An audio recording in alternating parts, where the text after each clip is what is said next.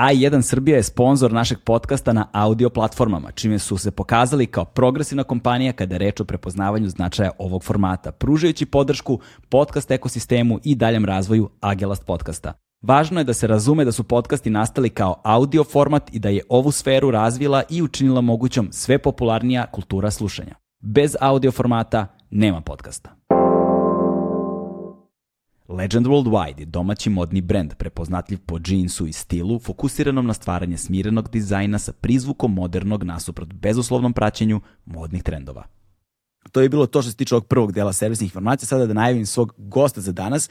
Veliko mi je zadovoljstvo uh, što je on tu danas zato što je u pitanju čovek, odnosno jedan iz dvojica koji su se zvali Šok Koridor i koji su imali emisiju na televiziji koja takođe ne postoji više, koja se zvala Art Kanal, odnosno Art TV u periodu od 2003. do 2008. godine, koja je na jedan svojevrstan način predstavljala kinematografiju i ono što je kultura u najširem mogućem značenju kroz takozvani tretman šoka na filmu. Prevashodno su se bavili horror filmom, ali su se bavili brojnim drugim alternativnim underground i različitim drugim drugim stvarima i ostavili su svojevrsni trag koji slobodno možemo da nazovemo kultnim. Pored toga, a, jedan od te dvojice, a, Aleksandar Divojević, koji je naš gost inače, je takođe i scenarista, to je dramatur koji je pisao a, scenarije poput recimo Charlestona za ognjenku, ali najvažnije recimo od novih serija tu je Crna svadba, ali tu se nalazi i legendarni i kontroverzni i duboko polarizujući svakako srpski film za koji on takođe pisao scenariju. Dakle, Acara Divojević, Šok koridor, srpski film, Crna svadba, naš sledeći gost. Uživajte.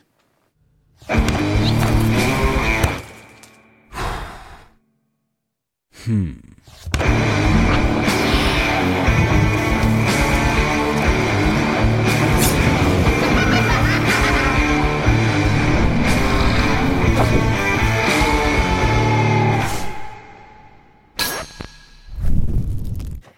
Prestao sam da ovaj, čitam na početku odavno i onda sam to razdvojio na dva podcasta.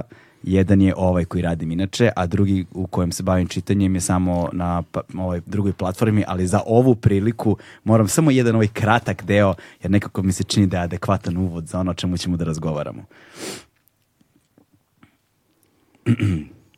um, samo da vidim gde kaže... Mm. Ok, evo ga kažem. Erotizam je potvrđivanje života čak i u smrti. U stvari, mada je erotska aktivnost na prvom mestu presipanje života, predmet tog psihološkog traganja koje je, kao što rekoh, nezavisno od brige za očuvanje života, nije daleko od smrti. To je tako krupan paradoks da moram odmah pokušati, pomeću dva navoda, da pružim nešto nalik na opravdanje svog tvrđenja. To je, nažalost, van svake sumnje, primećuje Desad, i nema ni jednog bludnika koji je malo dublje zagazio u porok da ne zna koliko ubistvo gospodari čulima. A isti je napisao i ovu još neobičniju rečenicu. Najbolje se srodimo sa smrću kada je dovedemo u vezu sa nekom bludnom misli. Reče Žorž Bataj u a, svom ogledu o erotizmu. Citirajući Markiza de Sada. Citirajući Markiza de Sada. Dobrodošao ovaj, i veliko je zadovoljstvo i čast što si ovde danas sa nama. Dobro te našao, takođe.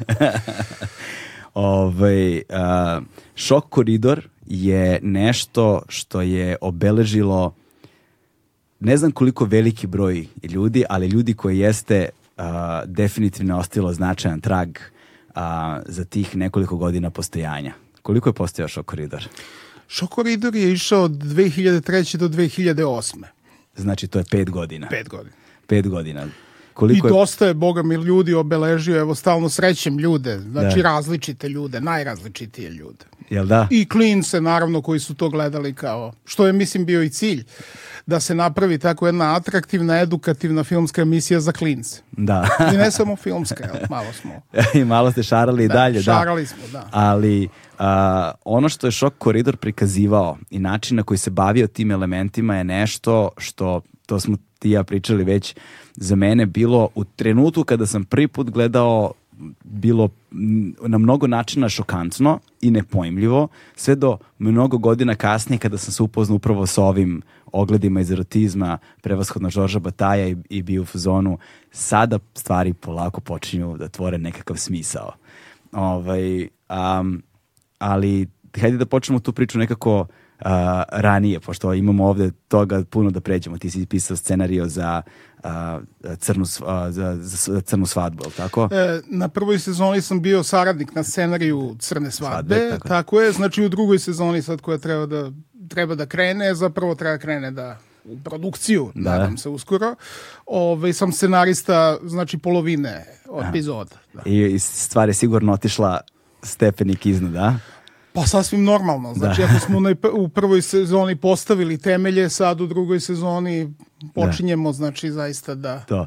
uranjamo u... E, druga stvar koja je tu takođe važna, ti si pisao i uh, scenario za film, za srpski film, ovaj, što je što će poseban segment razgovora ćemo podeliti, da odvojiti to i naravno Show Koridor koji je neizostavni deo ono i undergrounda, ali negde i popularne kulture mogu reći početka 2000-ih i nešto što je ostavilo trage. Čini mi se format koji se nije ponovio od tada.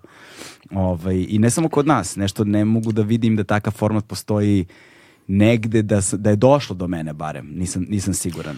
Pa, pa sad postoje razni YouTube kanali, znači da. privatni YouTube kanali gde sad kao imate ovaj, te reviewere koji ono, gledaju nove horror filmove, komentarišu horror filmove, mm. razne i stare i tako dalje, tako da ti kao razni reaction videos mm. i ti znači kao te kao kritike su postale znači nešto što je što je zapravo internetski zabran, je tako? Da, Ali da. mislim u toj formi u kojoj je Shock Corridor zaista postoja, mislim da ja mislim da nema. Recimo Red Letter Media je jedan jako zanimljiv filmski kanal, mislim verovatno najbolji na, mm. na, na internetu, znači gde imamo filmske studente koji su koji su postali jako opasni za američku mainstream produkciju, znači plaše ih se. Jel? Da. Ovaj, tako da imaju jedan duhovit pristup svemu tome i jedan stilizovan, stilizovan u filmsku emisiju gde govore sjajno. Ovaj, da. O tome mislim da je to negde po formatu možda najsličnije onom što je Shock Corridor bio. Da, e, Ovaj, gde nam je najbolje da počnemo priču zapravo o šok, korido, o šok koridoru ili možda o tebi zapravo pre svega. Ovaj, u kom trenutku i na koji način se ti zaljubljuš u horor i šta horor predstavlja za tebe? Pa ja sam evo, znači recimo u sedmoj godini sam gledao na televiziji kad je prikazivan Dress to Kill Brana de Palme. Mm -hmm. Obučena da ubije i to je ovako bilo za mene ovaj, zaista fantastično iskustvo. Ja sam se plašio kao, baš kao klinac, plašio sam se dosta da gledam horror filmove. Mm -hmm. Ove, ovaj, znači to tako kad sam bio baš, znači to nešto u nekoj predosnovnoj, znači bio sam onako i bio sam dosta košmar kao kad sam bio mali pa sam se plašio ovaj, mm. toga. Uh, ali sam bio strašno fasciniran njima. Znači svaki detalj koji bih video, svaki, svaki detalj koji bi video uhvatio na televiziji iz horror filma bi me strašno fascinirao. Mm. Ove, tako da sam, tako da sam suštinski polako ulazio u to, jel? Ali eto, kao kad sam sa sedam godina, kad sam to video, znači kad sam video kako se, do koje mere to može da bude jedno ovaj, e, jedno, jedan napad na čula u najestetskijem mogućem smislu. Mm. E, to mi je ovako bilo kao potpuno kao, kao neka najjača vrsta iskustva koja može da se doživi čisto kroz gledanje nečega, da. jel? I onda sam, znači, jednostavno ovaj, sam, sam uh, iz fascinacije, prema tome takođe bio i, i ciklus Hitchcockovih filmova na, na TV, gde naročito mi je bio Spellbound interesantan, mm. znači, psiho, naravno, Vertigo, Sever, Severozapad i tako dalje. Znači, postoje e, i takođe kad su se prikazivali filmske emisije pre kojih je bio razgovor, to je tačno, to je baš za show koridor jako indikativno. Znači, kao emisije tipa Kino oko, mm -hmm. gde je e, bio bio ozbiljan razgovor o filmu pre samog filma, znači eto to kao bio je De Palma pa su prikazivali inserte iz De Palminih filmova pre nego što bi obučena da ubije krenula. E, I onda, znači, u jednom, tako kao klinac, u jednom nizu uh, gledaš, recimo, uh, carry, uh, blowout, furija, inserte, znači jedan do drugog, pa onda gledaš Dress to Kill ti I takav, ba, tako je, i takav baraž, znači takav baraž senzacija, znači u jednom, u, u jednoj večeri, Da. uz taj jeli, razgovor o tome, je nešto što je, što je, što je presudno uticalo na mene suštinski i mislim da je tu, tu je zapravo bio ovaj, tu je koren šok koridora. Znači, e, vole, uvek, uvek bih voleo da, znači, ako sad e, uhvatimo nekog klinca sa šok koridorom koji slučajno naleti na to i vidi neki insert koji će apsolutno da ga fascinira e, do kraja života, jer to su formativne godine. Znači, Da. bit će bombardovan nekim senzacijama koje tad u tom trenutku možda neće moći da pretumači, ali će ga to na izvestan način naterati da se okrene umetnosti, da se okrene filmu, da, da film gleda e, sa većom fascinacijom nego ranije. A mislim, ekstrem, znači ta vrsta nekog estetski plasiranog ekstrema, kao što su bili ti jel, filmovi koje sam ja video u tom momentu i to tu količinu, taj koncentrat prizora, mislim da ostavlja neizbrisiv trag. I e, upravo je to bila inspiracija za Shock Corridor, da uhvatimo neke klince u formativnim godinama i onda ih dalje, jel, uh, uh, iskru im bacimo, ovaj, Oblikujete ih, da ih oblikujemo. usmeravate. I mislim da, da je to apsolutno bilo, bilo uspešna Je, agenda. jeste bila uspešna, ali nekako mi se čini da je ostala na nivou kulta ovaj, više nego što se ostvarila na nivou produkcije. Ne- Nešto mi ne deluje da je horor uh, na, domaćom, na domaćem terenu, bez obzira da li govorimo o kinematografiji ili govorimo o drugim vidovima umetnosti, ovaj, stekao zapaženu poziciju ovaj, u određenim aspektima recimo vizualnih umetnosti kao što su likovne i tako dalje, tu može da se vidi zaista sve i svašta, ali nije, ne, bih, ne bih to nužno nazivao hororom u tom a, klasičnom kontekstu, više bi to bili elementi koji bi mogli da budu tumačeni kao horor, ali zapravo su ekspresija nečeg drugog. Dok recimo u muzici ne znam baš, nisam primetio da se pojavilo nešto mnogo projekata. U filmu tek, zaista, mislim da je serija Crna svadba prvi, prvi neki takav projekat koji je imao dodirnih tačaka. svakako u, u, tom mainstream, U mainstreamu, RTS, da, da, udarni da, da. termini i Da, tako da, da, dalje, domaća to. produkcija, da, da, da. E, mislim da je e, to sad nije problem horora, već je problem domaća produkcija praktično u pravom smislu nije postojala do pre 5-6 godina. U pravom smislu. Znači mi smo sad imamo jednu jednu hiperprodukciju stvari serija i filmova i mislim da je to jako dobro. Mislim da je to jedan veliki pomak. Znači poslednjih 7-8 godina recimo je to krenulo ozbiljno se dešava i prave se ozbiljne stvari. Znači potreba za sadržajem je velika i onda se znači konačno se se se proizvode stvari znači koje koje ono upošljavaju razne mlađe ljude, takođe mlađe ljude sada ovaj, i, i mogućnost da oni znači prenesu neke stvari koje su onako prilično updateovane u, u, u updateovane u kontekstu sveta. Znači kao nije nešto što sad kasne, kasnimo 30 godina kako je do sada bilo, već jednostavno e, serije koje recimo kopiraju taj HBO format i koje pokušavaju da uđu u taj neki adult, jeli, malo ovaj, u te vode. I samim tim e, dolazi do jedne do jednog cvetanja raz, različitih žanrova. Znači dolazi do, do probijanja tih barijera koje su postojale do tada, gde sad kao a, u kontekstu srpske recimo filmske produkcije do pre 7-8 godina, znači bilo je samo ono ili narodnjačka komedija ili kostimirana ovaj kostimirana drama sitkom na znači u kontekstu kao Zona Zamfirova recimo, znači pa sad taj ranjeni orao, jel? Da, da, da, da. ovaj ta šopola produkcija, jel?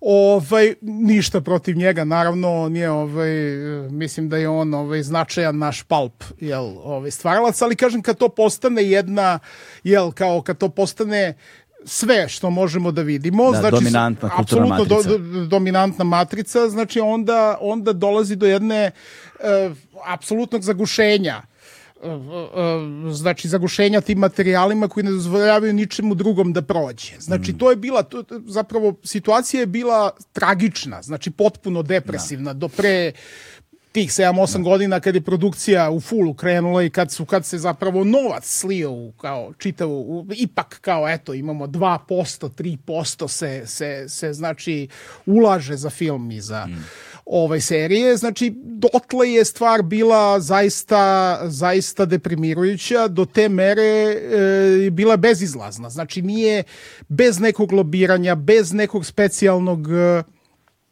bez nekih specijalnih konekcija čovek nije mogao da napravi ništa apsolutno što se razlikuje od tog jednog mulja opšte produkcije. Znači to to to je bilo nemoguće. Znači, s jedne strane to, s druge strane, znači ono što imamo od početka 2000-ih, to je zapravo najdepresivnija stvar, je ta eurofondovska produkcija, znači ti eurofondovi. Znači, eurofondovi e, su nas kao podneblje koristili čisto za tolerancija i pomirenje projekte, znači agitpropovske projekte koji ne bi imali neku specijalnu estetsku ulogu, osim da nas prikažu kao kao eto, neku sredinu koja se kaje, jel tako? Da. I koja prikazuje neke patetične pričice o nekim malim nebitnim ljudima koji eto tako se su, su nemoćni pred, pred socijalnom situacijom, znači jedna vrsta zapravo victim porna. Mm. Jedna vrsta victim porna na navodno umetnički način koja bi poslužila da se to možda prikaže revijalno na nekom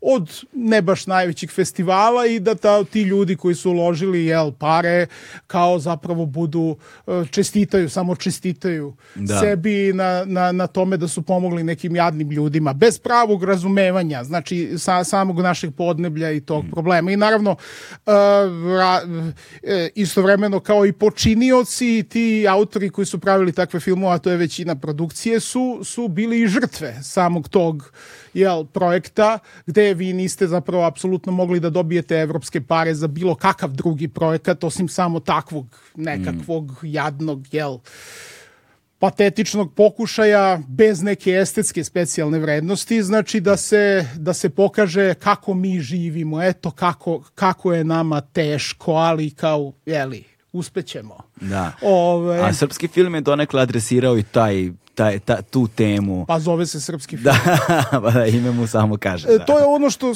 što se često zapravo niko nije meni je drago što je srpski film je ujedinio Srbiju svakako protiv sebe. Ove, ovaj, sve Srbije, da. i prvu i drugu i treću i šestnestu. Ovaj, a, ali e, s druge strane ono što svi previđaju je da je to takođe jedan metafilm. Mm. To je to je metafilm koje što je sad jako popularno jel, ovaj postalo.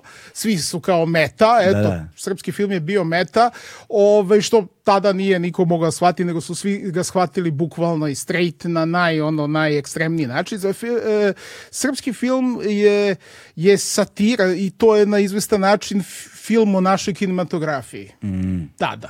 Tada, da, u tom trenutku. Tada, zapravo tada, u tom post, u tranzicionom periodu. Znači, da. u tom najgorem periodu za, za srpsku kinematografiju, znači, a to je od, poče, do 2000-te. Znaš, da, doći ćemo zapravo do, do samog srpskog filma i, i, i do njegovog uticaja zapravo na ono na širi jedan kulturni milje kako kod nas, tako i u inostranstvu, pošto je on bio prilično zapažen na najrazličitije moguće načine, da kažemo 50-50, duboko polarizujući opet s jedne strane, ali kažem, doći ćemo do te tačke polako da se razvija od mota razgovor.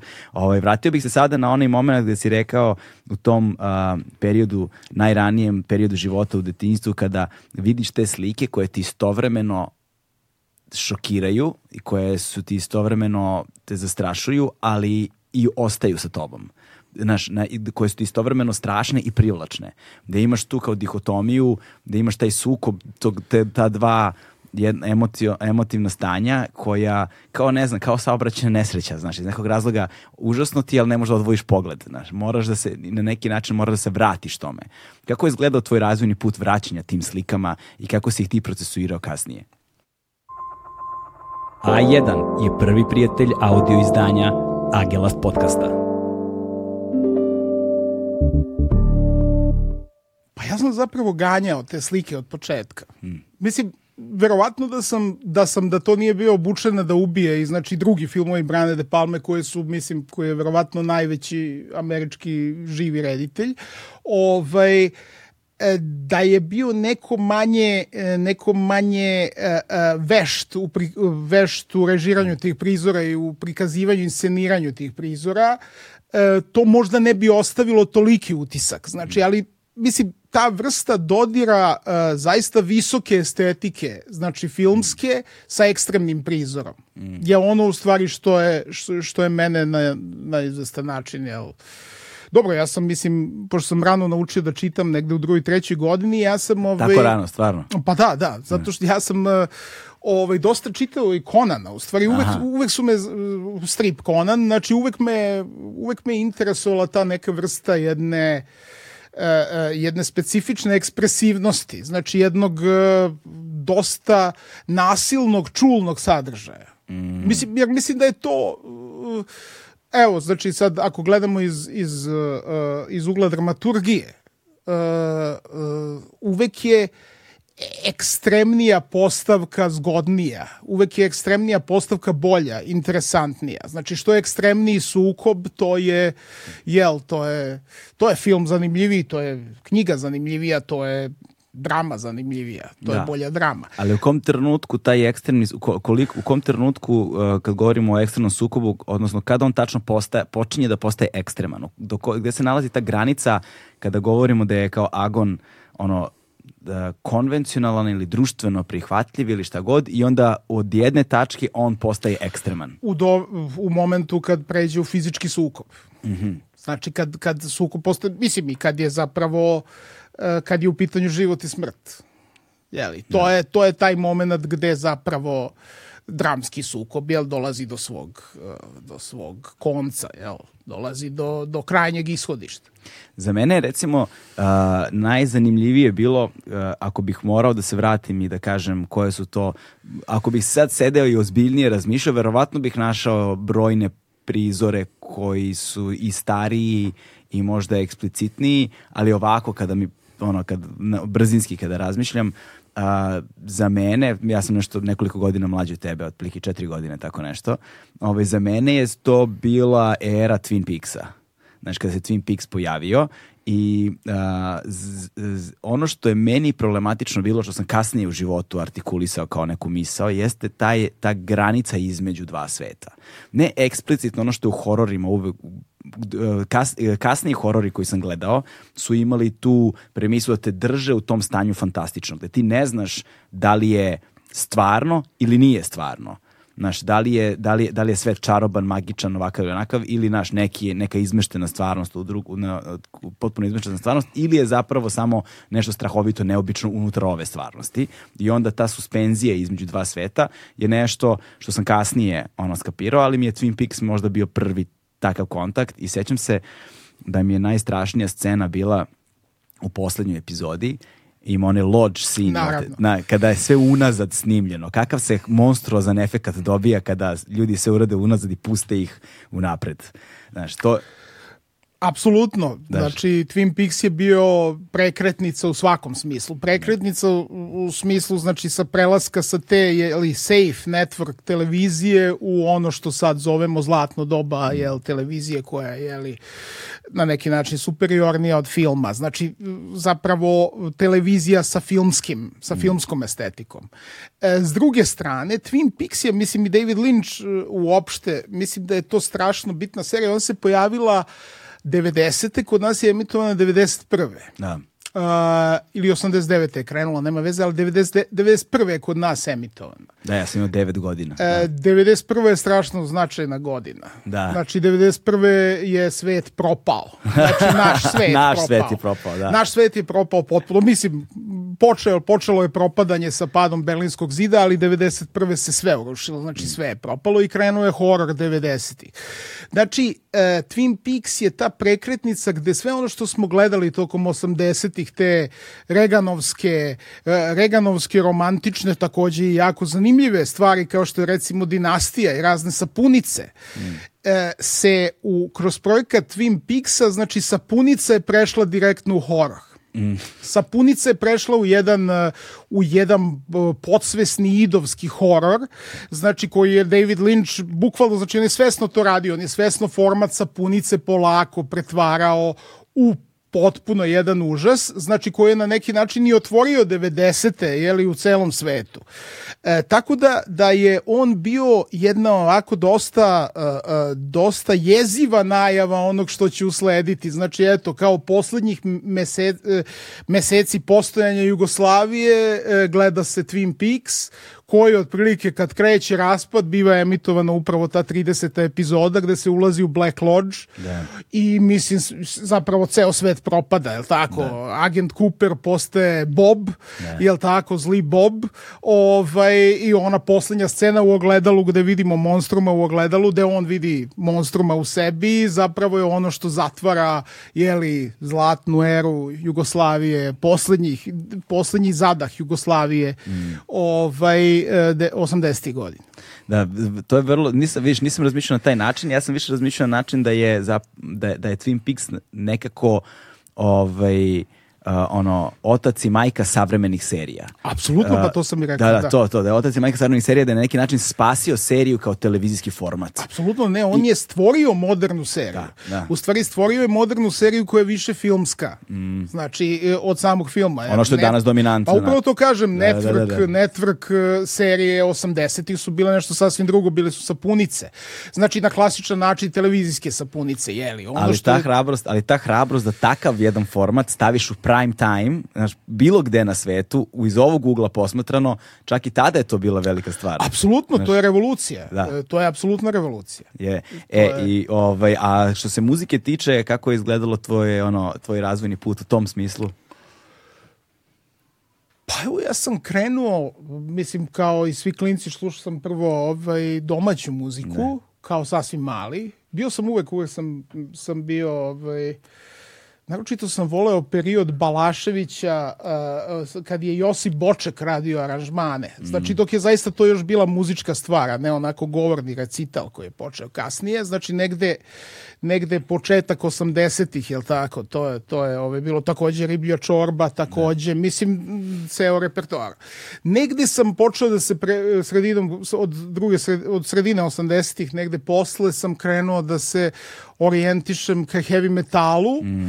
E, I mislim ka zapravo trash metal je bio moj ovaj glavna moja glavna stvar. Nisam nisam nisam reagovao mnogo na, na tu vrstu nekog epskog metala. To mi je bilo malo jel taj čitav Iron Maiden kontekst, mislim mada Iron Maiden ima fantastičnih albuma 80-ih, ali ali e, su oni na izvestan način e, postali očevi svega što smatram da nas ne valja u modernom metalu, tako, ovaj, tog nekog e, epskog fantasy metala koji na, na izvestan način potpuno odvaja formu od realnosti. Ja sam više volio trash metal koji je bio onako kombinacija punka i new wave of British heavy metal, znači jedna ulična sirova stvar koja je govorila o ovaj, govorila dosta u, o, mislim, o, o, o savremenom životu, tako, kao koja se obraćala, znači, zapravo adresirala traume, traume jednog socijalnog posrnuća. Da, DRI i tako to, da. Dobro, DRI, da, dobro, ali mislim, Megadeth, Megadeth, Megadeth. Megadeth, koji dalje sviraju. Megadeth, Metallica, Big Four, jel, Slayer, dakle, Exodus, mislim, uopšte čitava ta, ta ovaj, linija bendova. Mm, da, zanimljivo je kako je zapravo uh, na, na tu stranu koju si govori gde se odvojio kao epski metal, gde se odvojile te stvari, gde su te gitarske solaže počele da se pretvaraju nešto drugo, gde su ti ono aranžmani dobili kasnije malo i taj da ne kažemo narodnjački prizvuk, ali... Pa da, da, to su, Iron Maiden su očevi toga. Da, da, ovaj, ali kasnije je tu ušlo dosta i, i ono nacionalnog u tom kontekstu, barem kada je publika u pitanju. Pa kada je srpska publika. Srpska u publika u pitanju, Da. prevashodno srpska publika da. u pitanju, da, tu su se ono, nacionalizam se u svašta uplete, ovaj, što je isto takođe tema. Um, a što, dakle, Conan je bio strip, uh, Brian De Palma je bio film, ovamo je trash kao bila muzika i ti um, u kom trenutku prvi put počneš da pišeš, na, da stvaraš sv- svoje scenarije? Ono, šta je bilo prvo što si napisao? Pa ja sam pokušavao da crtam stripove možda od treće, Mm. četvrte godine. Znači, to, to, je bila, to je bila prva stvar. Znači, strip mi je prva Mm. ljubav. Ovaj, a, tako da sam od početka bio u toj nekoj vrsti. A onda, mislim, kasnije sam počeo pičem i horor priče, jel, kad je, kad se desila ta kod nas, jel, kad, kad su ko, po prvi put objavljeni kod nas uh, Clive Barker i njegove knjige krvi, mislim da sam bio potpuno fasciniran time, to mi je bilo ovako potpuno jedna ovaj, takođe jedna revolucija, znači to sam, to je baš kad su krenuli svi užasi, jel? Mm. 90-ih, tako da je to bilo dosta dobro sinhronizovano. Znači, to mi je bila neka, neka e, zapravo e, zapravo okidač da se bavim, e, da počnem da pišem, znači da izađem iz tog nekog, nekih stripova, znači nikad nisam, nikad nisam imao strpljenja crtajući stripove, da se kao sad bavim nekim perfekcionizmom crteža, u smislu sad kao treba, treba tri sata da crtaš ruku, a tebi, mislim, u glavi priča već ide dalje. Da, tako da, da, tako da, da je to, onda sam se preorijentisao na, na ove, pisanje priča i mislim, to je prirodno došlo do do toga, naravno, pošto mi je film ovaj, ipak bio primaran, primarni podsticaj, znači da se, da, da, upišem dramaturgiju. Jel? Mm, dakle, ali uh, koja je bila prva horor priča koju si napisao? Prva horor priča koju sam napisao je bila ovaj zapravo ne mogu da se setim kako se zvala. Ali je bila dosta inspirisana Cliveom Barkerom u osnovnoj školi. Aha, aha. Da. Dobro. Ove, a neka prva koja bi se setio, setio naziva? Ili neka koju si možda ponosan iz tog perioda svog života, koja ima dobru premisu? Bilo je raznih premisa, bilo je tu sad svašta, bilo je ovaj bilo je to recimo evo sad recimo bavio sam se nekim slikarom koji ovaj a, koji pod uticajem nekih subliminalnih poruka znači pokušava da ovaj a, njegov stil se menja, jel stil slikanja se menja i kreće da ovaj kreće da oživljava u stvari i da izlazi i da ovaj i da ubija ljude. Mhm. Znači mislim prizori iz njegovih slika. Da, mislim da sam ja, ja, ja sam recimo, što se stripa tiče, nisam se za Conana toliko zalepio. Nekako je Conan, čini mi se baš ono, a, zakačio tu generaciju 78, 79, naš, i, i starije od toga. Naš, ja sam ova generacija 80, ono, drugo, naš, godište i to kasnije, mi smo se zakačili više za Dilana Doga, recimo. Ne, ne, ja sam se Da, apsolutno da, da. Dylan Dog kad se pojavio, da. Dylan Dog, da, znači ovim redom je to Da, da, išlo da. za mene, ipak sam to stariji, pa je Da, to, da, znači. Conan je bio prva stvar, znači Da. prvi strip koji sam čitao i mislim, apsolutno sam bio fasciniran tim crtežom, znači Mm. bio sam, bio Sema, Ernie Chen, mislim, to je za mene apsolutno Conan, fantastična jedna vizualna, ovaj, fantastična jedna vizualna gozba za, za klince, onda naravno Bonelijevi stripovi, Mm. jel, Marti Misterija, dobro, naravno Zagor, šta je išlo pre, znači Zagor, Ja sam se kod Zagora više kačio za zlatnu seriju, jer je imala nadprirodno, znaš, zbog nadprirodnih elemenata. Pa da, išao je Da, on u da. zlatnoj seriju Barnu stripu, ali to kao fantastična priča. Da, to je da, da, bilo da, da. kad Zagor ima natpredno. To je to je Zagor je strašno bitan, ovaj strip zato što ima to ima taj žanrovski mashup. Znači on ima to spajanje nekog e, kao Tarzan u westernu plus nadprirodno. Znači sad plus horor. Mislim ima sad i fantastika, jel tako to je on je strašno zanimljiva kombinacija. Onda iz toga je izašao posle kad se pojavio Martin Misterija, to je bilo ovaj takođe je bio breakthrough i tu ima nekoliko fascinantnih horor epizoda. To je bilo ovaj u tom periodu i naravno Dylan Dog. Dylan Dog je bio presudan, evo, nisam ga spomenuo, zapravo mislim zašto zašto smo pričali o prvim stvarima. Da, da, da, da. Dylan Dog, da, tu sam već imao, to u stvari bila uh, na naj, tih prvih 100 epizoda Dilana Doga, mislim, zapravo to, tih 60 koje su izašle pre, pre nego što se sve raspalo, jel, Mm. kod nas, e, na najsavršeniji mogući način spajaju e, spajaju film, strip, e, literaturu, Jest. e, e, znači to je jedna fantastično zapravo on ima on ima vizuelno je kao storyboard. Mm. Znači tih tih prvih stotinak epizoda su praktično kao storyboard za film. Znači to su kao kadrovi iz filma, mislim da je to na su namerno, znači da su sklavi i ekipa to namerno skidali, znači određen storyboard format i jedno fantastično vizuelno pripovedanje, dakle i reference na filmove. U tom smislu je sklavi na neki način preteče i Tarantina, koji je tek kasnije znači kao jedan citatofil, jedan uh, postmoderni autor koji spaja jel sve uticaje u jedan fantastičan Dopada mi se to citatofil, da, ali, Da, da, meni, da. Je, da, ali meni je u velikoj meri Dylan Dog bio ulaznica u, li- u književnost, zato što zbog svog broja, velikog broja citata i onda je svako malo imao ono, neki citat, Da. Pa bude onako zvezdica, pa ti kao dole pročitaš i on je sad citirao ovo ili ono i onda otkrivam dalje literaturu kroz njega. znaš, Apsolutno, to je najedukativnije štivo, to je neka vrsta gateway draga za sve ostalo. A, znači, da. to je to kao uđeš preko Dilana Doga ili u literaturu ili u film tražeći reference Mm. ovaj, koje koje, koje odakle je to, odakle je ovo, odakle je ono, znači da zapravo sklapaš mozaik jednog ono kulturnog miljeja koji ti je najzanimljiviji. Ali Conan mi je, na primjer, u Conana sam se zaljubio sa filmom, znači sa ono tom, naš, tom estetikom, ali recimo brojni drugi filmovi su mi takođe u tom periodu ostajali a, ne kao priče, ne kao narativi, nego kao uh, imao sam te scene iz filmova koje su ostajale sa mnom dugo, koje su zapravo bile horor u, svom, u svojoj suštini.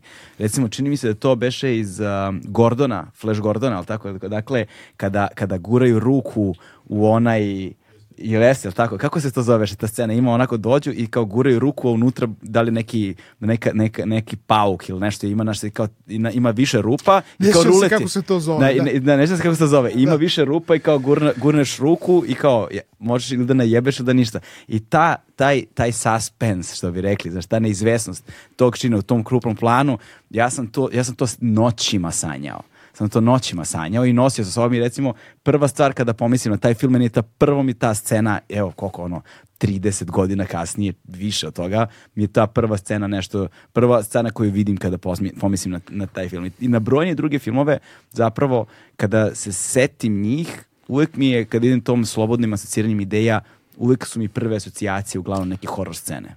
Apsolutno, ne. to su formativne godine ne. i ono što prvo vidimo što je ekstremno, na neki način nas oblikuje. Znači, mm. što ima neku vrstu ekstrema, neku vrstu napetosti, neku da. vrstu opasnosti. Znači, u, u kontekstu, jel, filma, stripa, literature, nečega. Znači, prizor. Prizor koji je, koji je na izvestan način ekstreman. Mm. I mislim i to su, naravno, to ekstremi ostavio najjači utisak. Da.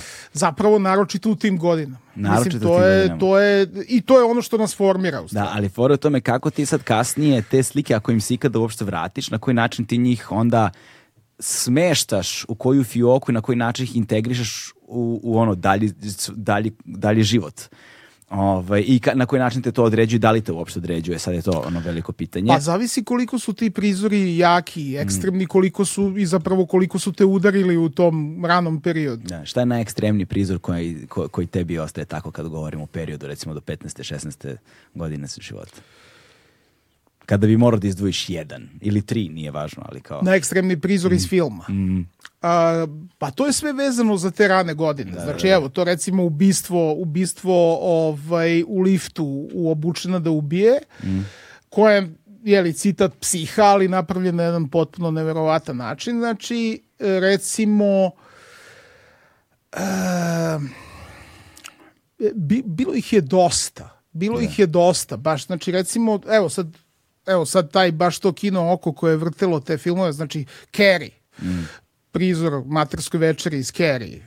Furija, eto recimo Furija gde, gde ovaj John Cassavetes eksplodira u proslednjoj sceni Mislim, to, to je recimo ovako dosta, kao kod Brane Palme uvek postoji taj spoj, spoj strašno senzualnog, seksualnog i, i mm. ovaj, nekog fas, fascinantnog nasilnog čina. Jel to ta eksplozija? Takođe David Cronenberg, eh, kontrolori, skeneri, uh, ovaj, eksplozije da. glave. To je takođe emitovano negde u tom periodu. Mislim da malo kasnije. Cronenberg, Cronenberg, Cronenberg. je posebna tema. Ono, da. Apsolutno, to su negde, to su da. ti prizori. Znači, mislim, ima sad ih dosta. Sad se, sad, se, sad se vrati o tom, kako ga zovu, body hororu, ovaj, nakon egzistenza, ono, šta, 20 godina kasnije s ovim novim nominalno, filmom. Nominalno, nominalno, da, Crimes nominalno. of the Future, Napravio kako se zove. neku ovako jeftinu bitev predstavu, ali, ali kažem, ali to o čemu se priča u filmu je jako zanimljivo, kao i da. uvek. Da, nisam gledao taj novi, pokušao sam da ga, da ga ukačim na ovom uh, Sarajevo Film Festivalu sad kad smo bili, ali je obaveza bilo toliko jednostavno i naravno kada su izašle karte za taj film, odmah su planule iste sekunde, nije ostalo ni jedne jedine karte, a posle nismo imali vremena za re, ove re, reprizne projekcije. Ali, dakle, ti si gledao ovaj novi Crimes of the Future, a? Jesam, jesam, da, da. pa kažem. Da. E, i ovaj, da, Cronenberg svakako. A, recimo, kad, pom, kad pomislim tako, meni je tu Shining, a tu mi je scena sa krv u liftu, one dve bliznakinje iz nekog razloga, um, tu mi je, kako se zove onaj da ima onaj spontaneous combustion, brate, ovaj... Pa ima u raznim filmove, imaš, film, imaš film Spontaneous, spontaneous combustion, da, da, to, to Uba Hooper. Te, to, da. to, onako trešina baš, razumeš to? Da. Moglo bi se reći. Da. Da. tako neke scene su mi tako neke scene su mi ostale i kao pamtim ih dan danas kao da sam ih juče gledao. Ovaj kako je izgledalo u trenutku kada si ti upisao fakultet dramskih umetnosti, odnosno dramaturgiju, ovaj, je li tako si upisao? Da.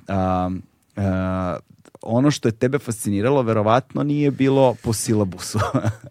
Znaš, unutar kanona koji se radi na fakultetu. Evo, ne dobre znam. ilustracije, prvi dan na fakultetu, znači sad novim studentima se prikazuju studentski filmovi, najbolji studentski filmovi. Onda ste u sali i gledate najbolje studentske filmove i posle recimo petog najboljeg studentskog filma ja sam se ozbiljno uplašio kao,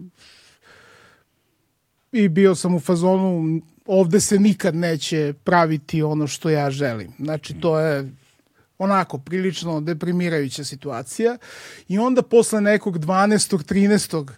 e, studentskog filma pojavio se e, kratki film Uroša Stojanovića e, Vešala za dvoje. I tu Nisam ga, sam- nisam ga gledao. Tu sam, tu sam već Kakav je to film? rekoh ima Reci nade. Da. Jel, ima nade, evo, konačno Reci mi nešto film. više o tom filmu. Pa to je film, eto, mog pokojnog, nažalost, prijatelja, ovaj, Uroša Stojanovića, sa kojim sam, sam radio na Charleston za Ognjenku. E, to je, to je zapravo jedna špageti western e, parodija epske poezije. Znači jedna potpuno fantastična kombinacija, mislim neverovatno napravljena, neverovatno snimljena. Ovaj gde dvoje, e, dvoje takođe pokojni Feđa Stojanović, Urošev otac, e, e, ovaj, i, i glumica, znači vise na vešalima. Sve vreme u nekom, jel, western miljeu, gde, gde, se, gde se međusobno tuku dok su na vešalima i naravno to završava sve krvavom smrću, ali to je jedan ovako fascinantan film. Teško ga je opisati. Da. Teško ga je opisati više od ovoga. Neću da dalje, ali kao potražite na YouTube-u Vešala za dvoje, ima ga. E. Ima ga, mislim da ga ima definitivno. Da, o, to, Potražite, to je remek delo, apsolutno ne samo studentskog filma, već i mislim da je apsolutno domaće kinematografije. Dakle, u tom trenutku si pomislio, ok, ima nade. U tom momentu sam pomislio ima nade, da. Da. Da, I, inače, dakle, sve ostalo je bilo toliko estetski siromašno i, i sirotinski, mislim ovako, i čak i u tehničkom smislu. Tada nije postojalo ovo što danas postoji, tak, tada nije tehnologija toliko, toliko uznapredovala da možete telefonom da snimite film, već je bilo ono, još uvek filmska traka, neka jadna beta, znači ne, ne, neki ono ili, ili, ili ovaj, srećni ljudi slika, ili nekako da dođete do filmske trake, I, znači... i, I ono Pavićeve serije. A, pa to, pa da. Mislim, Da, da. kao ta, ta estetika, jel to ili kao Svi jednostavno... stoje i sede i pričaju u nekim salonima. I pro hodnicima. Ili neki pokušaj sa, sa ono jadnom estetikom da se dosegnu neki visoko umetnički sadržaj, ovaj takođe strani koji bez naravno uspeha, ali kažem generalno to je bilo to je bilo takvo vreme gde gde apsolutno je sve delovalo potpuno beznadežno. Znači evo kad sam kao ja gledam, kažem, pa ovde kao nikad neće nikad se ne, nikad nećemo postati normalna kinematografija. Znači, nikad nećemo biti u mogućnosti uopšte ni, ni e, tehnički, ni estetski da pravimo nešto što, što je zaista interesantno i memorabilno. Da, a kamoli da onda to sad uplete u sebe i žanrovski i Apsolutno, da... to je to su pusti snovi. Tako da je to bilo ovako jedno dosta, znači, dosta depresivan period. Do, to je bilo na početku studija, u toku Da. studija i na, do kraja studija kako su se stvari odvijale. Pa slično su se odvijale do kraja studija i onda je znači krenula znači od 2000-te recimo od kad se jelo od 5. oktobra krenula je produkcija. Čekaj, kad si ti završio fakultet? Ja sam uh, 96. upisao, ja sam Mm. pobegao iz srednje škole posle treće godine i upisao sam ovaj uh, upisao sam znači dramaturgiju to sa skoro 18 17 Mm.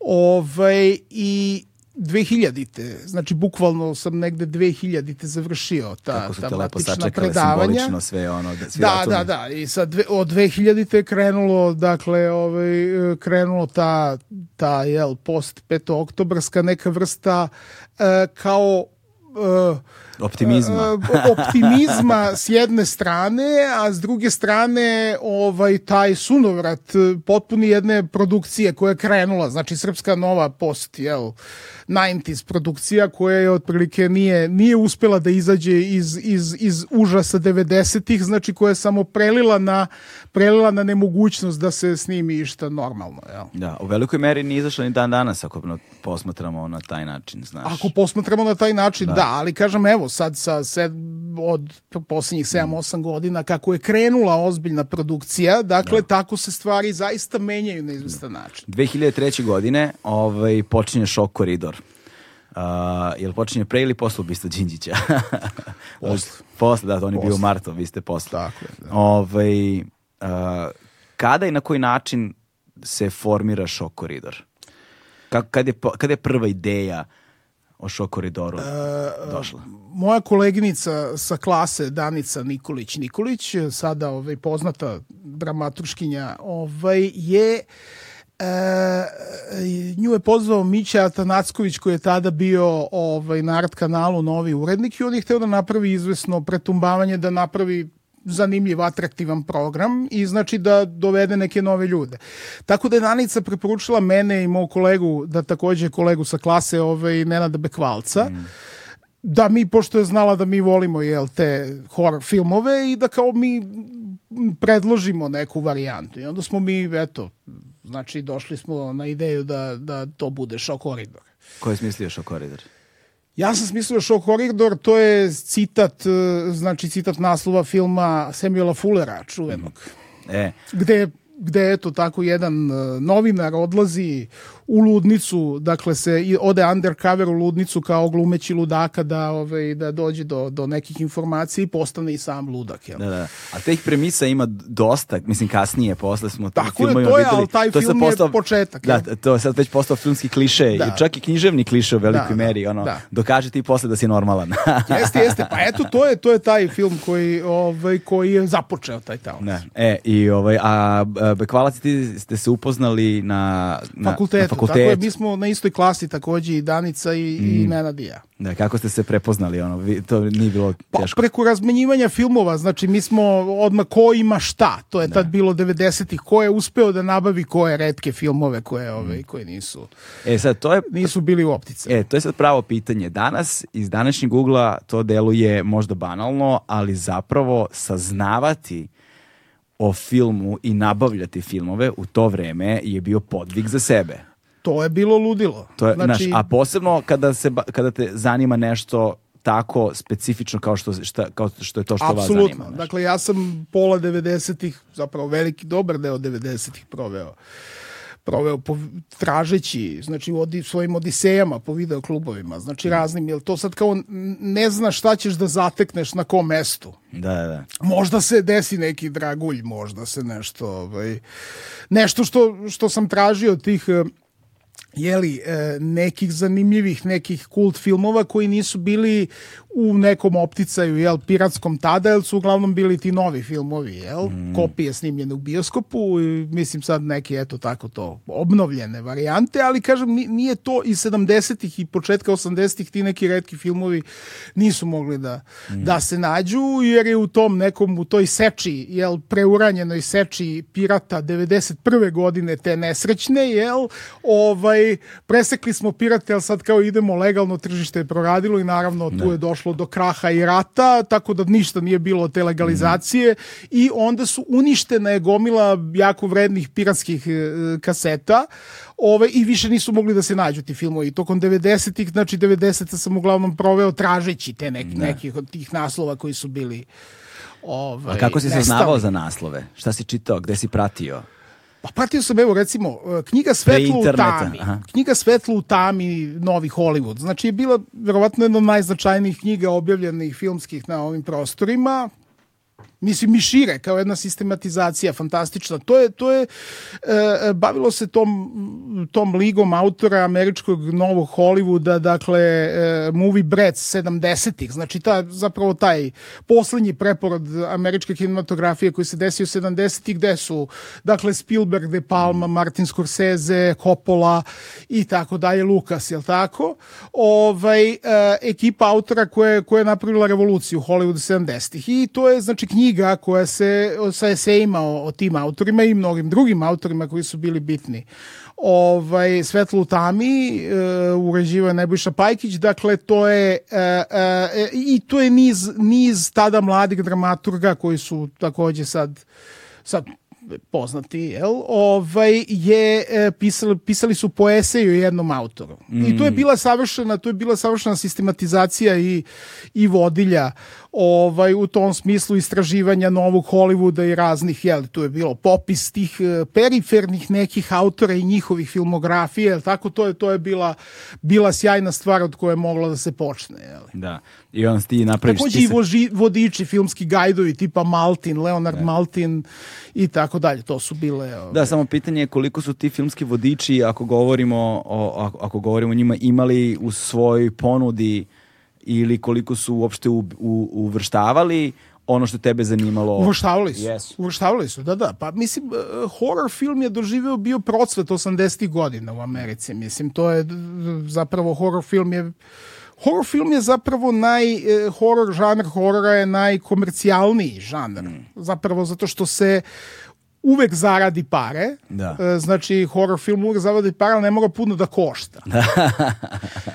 To je to. Ne mora da ima poznate glumce, ne da, mora da. da ima, ne, da ima tu. Tako da je 80-ih, znači, sa, sa filmovima preko Halloweena, Johna Carpentera na početku, da, da, da Da, takođe, evo, zaboravio sam Johna Carpentera kao jedan od ovaj, recimo meni je Prince Tame, film mm. koji sam gledao u bioskopu, dakle bio jedan od tih najekstremnijih prizora koje sam mogu da vidim i koji mi je ostao, znači urezan do sada. Da, da, da. Ovaj, ali evo, John Carpenter, znači Halloween, West Craven sredinom 80-ih, uh, Strava u ulici Brestova, znači Freddy je napravio jedan boom. Ja, evo sad sam se ja setio Dece kukuruza taj mi da. je bio, da, ta, taj, taj, taj je meni isto ostao. Da. Ovaj, njega sam na TV-u do duše gledao, ali vidiš u bioskopima nisam gledao puno horora zapravo.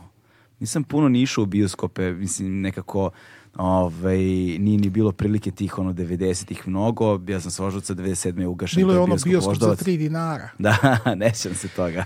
To je. Ovaj, Ali su svi išli. Da. Ja, zašto mogli da se ugreju. Da.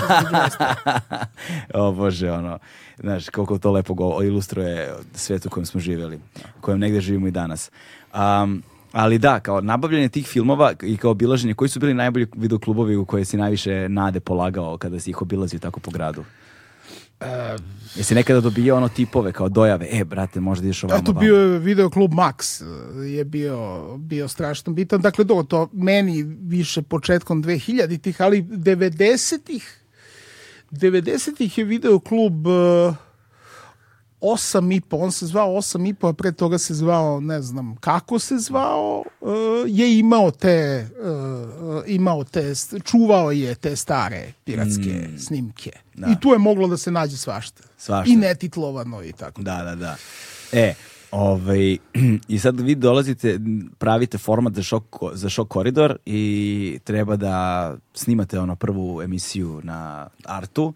Ovaj, uh, ono što, zapravo ono što me zanima pre toga, ok, uh, repertoar hollywoodske produkcije, odnosno američke produkcije prevashodno, a potom i hollywoodski, ali to je jedna stvar.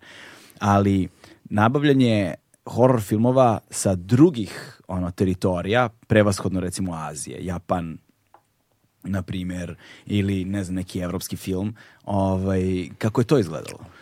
Pa to je bio, mi smo krenuli 2003. a tad je već... Ali koliko si te, tu, te produkcije gledao pre toga?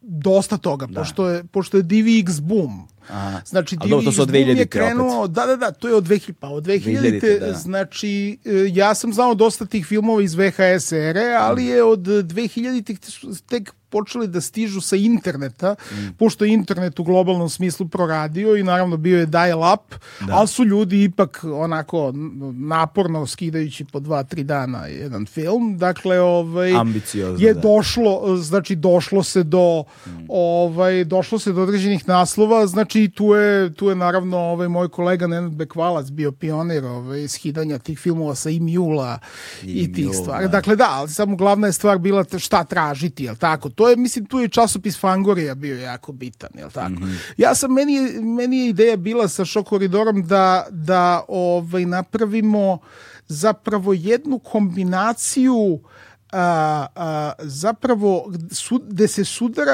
a, visoka umetnost, kult film i znači sve do granice treša, je li tako? Znači gde se gde sad imamo vrhunski napravljene ovaj a, a, vrhunski napravljene filmove sa tim elementima, sa šok elementima preko preko potpunog kulta i potpunog jednog ovako o, a, underground underground filmova do do znači onoga što bi kao jurilo najekstremniju neku matricu znači sa sa minimumom nekih estetskih sredstava. Znači to je bilo otprilike p- hteli smo da pokažemo čitav jedan luk e, e, zapravo filmova koji se bave šokom. Jedan ark filmova znači koji se protezao od visoke umetni, umetnosti i znači jake estetike i znači zaista zaista ozbiljnih sa, sa ozbiljnim estetskim standardima do do ovaj do nekog dna te produkcije. Znači mislim sve sve što vezuje šok, je Da. tako? Koja je vrednost šoka? Zašto šok? Pa zato što šok uvek ostavlja utisak. Jel tako? Šok je šok je nešto, šok je prvo što pamtimo. Rođenje je šok. Da. Mislim, sve je šok. Znači, sve, svi momenti koje pamtim, pamtimo od početka zapravo našeg razvoja, od naših formativnih godina su vezani za neku vrstu šoka. Neku, makar to bio i pozitivan šok, jel tako? Aha, znači, znači za tebe šok u suštini nije nužno a, Negativan. Ne, da, ne, ne samo negativan, Da. nego i ono što, pošto danas recimo a, dva, dva termina koje, koje se onako masovno bacaju, Da. jel te su a, shock value i entertainment value. Da. Znači, ali ih sad oni koriste u jednom prilično banalnom smislu kada govorimo o mainstreamu kojem je strahovito prisutan. Da. Znaš, i onda nema, znaš, on ima shock value u tom smislu je, je ono kao da ti privuče pažnju i kao da te ja zadržim što duže, ali tu se završava. Početak i kraj mu je na tom nivou. Nije, nema više slojnost nekog gde ti šalje neku značajniju Pa poruku sve, od toga. sve zavisi od toga kako je to, kako je to estetski. Mm. E, Znači, kakva je egzekucija toga. Znači, veština egzekucije šoka je Da. najbitnija. Zato kažem, eto, recimo, De Palma je na vrhu toga, Carpenter, De Palma, mislim, to, tu je zaista šok, visoka umetnost. Ovaj, do, dakle, do, do samih margina. Ali šok sam po sebi je uvek interesantan. On je uvek interesantan zato što ne bi inače bio šok. Da. Znači ne bi bio jedna ekstremna senzacija koja ostavlja utisak. Makar bila i makar bila na izvestan način i, i tako v- v- pod nekom vrstom diletantske egzekucije. Da. E sada, zanimljivo je to kada posmetraš šok, u- e, posebno sa aspekta diletantske egzekucije ili sa aspekta, recimo, ono, a, kulturnog identiteta. A, zanimljivo je koliko se zapravo značajno razlikuju elementi šoka u estetskom smislu, pre svega, ako posmetramo, recimo, Japan i, na primjer, Hollywood. Značajno. Apsolutno, da. Znaš, i šta, šta to govori zapravo o, o, o, o tim kulturnim matricama, tim kulturnim identitetima i zašto su recimo, ne znam, južnokorejci ili japanci tako ono dobri u tome, za razliku od onoga što bismo nazvali zapadnom estetikom. Pa to su Negde- drugačije, to su drugačije kulture. Pa da. Znači na izvestan način oni imaju imaju drugačiji odnos prema šoku. Znači mislim da je A šta to e, govori, da, kao, kad bi morao, da ga analiziraš, kad E, morao pa, da... mislim, američka produkcija je, je sputana tom svojom mainstream jel, matricom. Znači, mislim, od 2000-te američki film, hollywoodski film je prestao da bude zanimljiv. Znači, od momenta 11. septembra, od kad se desilo to što se desilo, ovaj, toliko je e, politička korektnost jedna vrsta jel, e, mrtvila, kao apsolutno nemogućnosti da, da vidimo neki mislim sa časnim izuzecima, zanimljivi provokativan film iz te visoke hollywoodske produkcije. Ovaj, e, e, tako je tako je e, recimo južnokorejska produkcija koja je prosvetala u tom periodu e, zapravo pruža i u produkcionom i u estetskom smislu ono što je nekad naj, što su najbolji hollywoodski filmovi radili. Znači e, oni imaju spoj te, te zapravo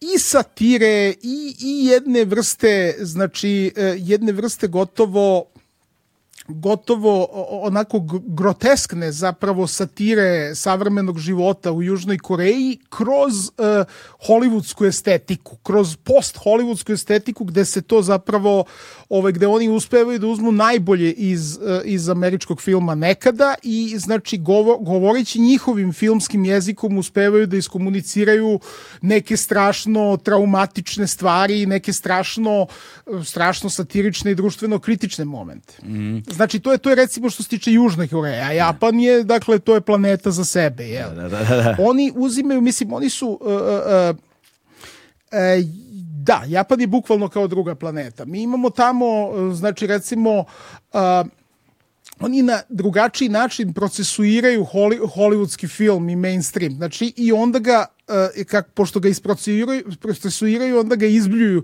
na jedan potpuno, na jedan potpuno neverovatan način, na jedan potpuno drugačiji način, kako oni vide stvari. Jel tako? Ne. I oni uspevaju da tako postmodernistički kombinuju razne stvari koje bi bile, koje bi inače bile nezamislive. Naravno, tu je kod njih je naravno manga kultura ovaj koja je sad jeli globalna i sad strašno ovaj, popularna. Kod njih je to e, prevashodno strip. Znači strip preko mange znači do anime koje su ekranizacije mange, znači i ta vrsta pogleda na zapadne utice preko mange koje se onda preliva na film.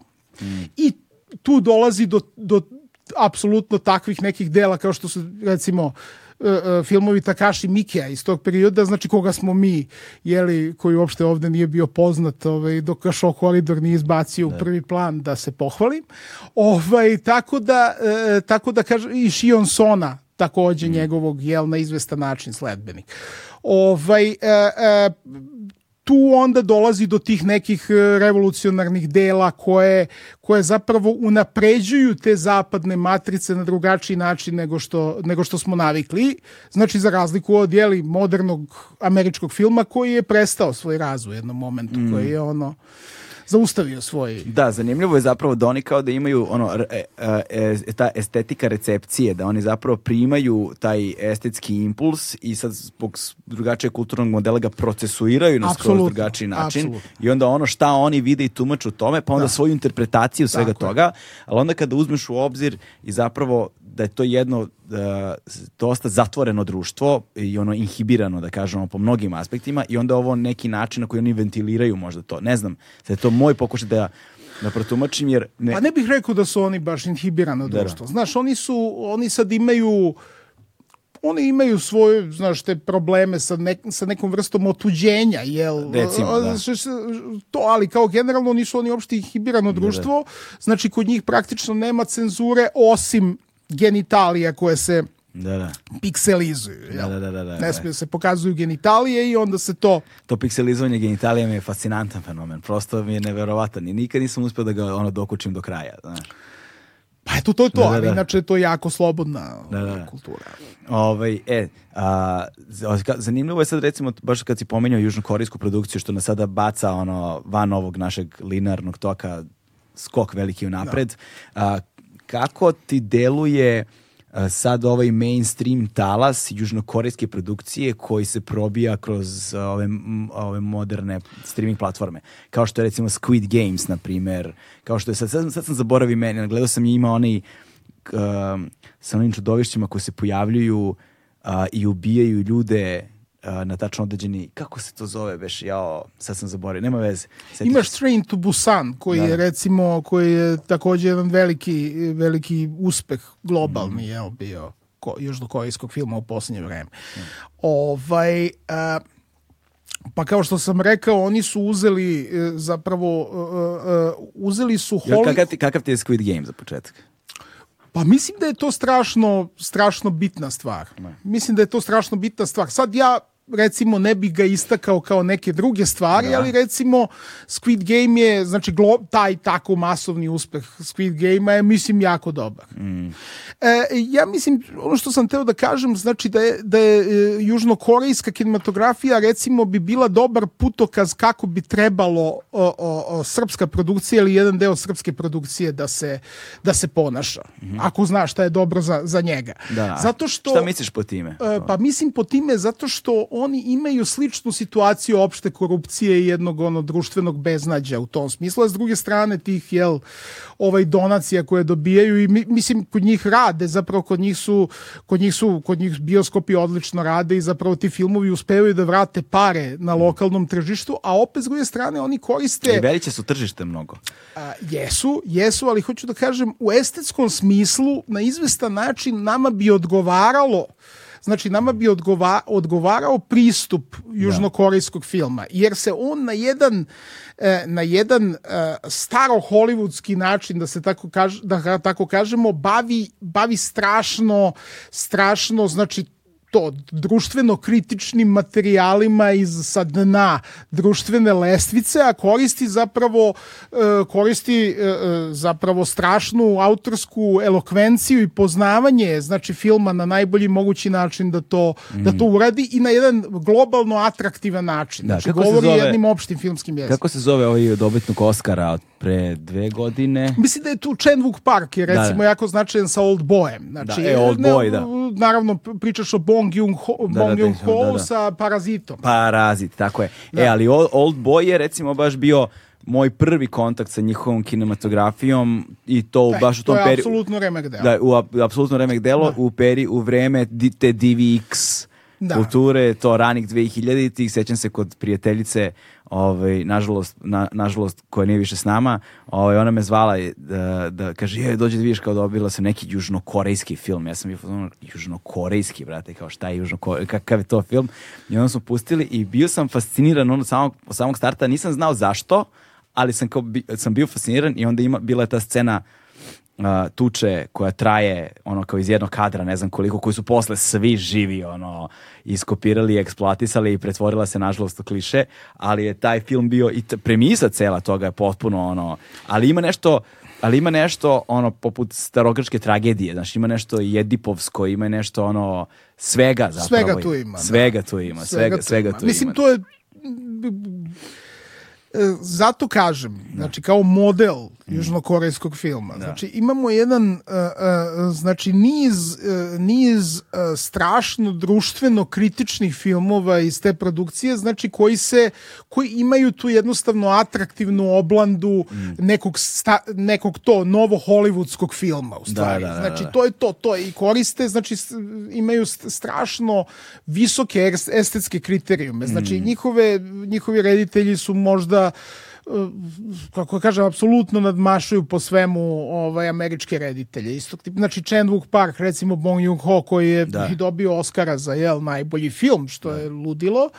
Ovaj, dakle, tu imamo još, još niz autora kao što su Choi Min Sik sa Chaserom i sa Yellow Sea, pa imamo imamo ovaj e, em, imamo još niz autora koji su Da. potpuno, dakle, apsolutno superiorni u odnosu na, na bilo šta što izlazi iz Hollywooda, a, a zapravo se bave, bave se, znači, e, južnokorejski milje je dosta sličan našem. Evo, ako vidimo te njihove, znači, društveno-kritične matrice u tim filmovima, to je ovako dosta jedno ovako e, društvena devestacija, totalna korupcija, znači nemogućnost malog čoveka uopšte, znači iz jedne da se iz Da, jednog nema klasne mobilnosti. Apsolutno Da. nema klasne mobilnosti. Znači imamo evo znači to eto recimo prvi film pre Old Boya i te njegove jel trilogije o osveti Chenuk Parka je Sympathy for Mr. Vengeance koji je bukvalno znači pokazuje kako bi jedan od ovih filmova jel e, e, domaćih e, ono nekim jadnicima tipa kako ti ljudi žive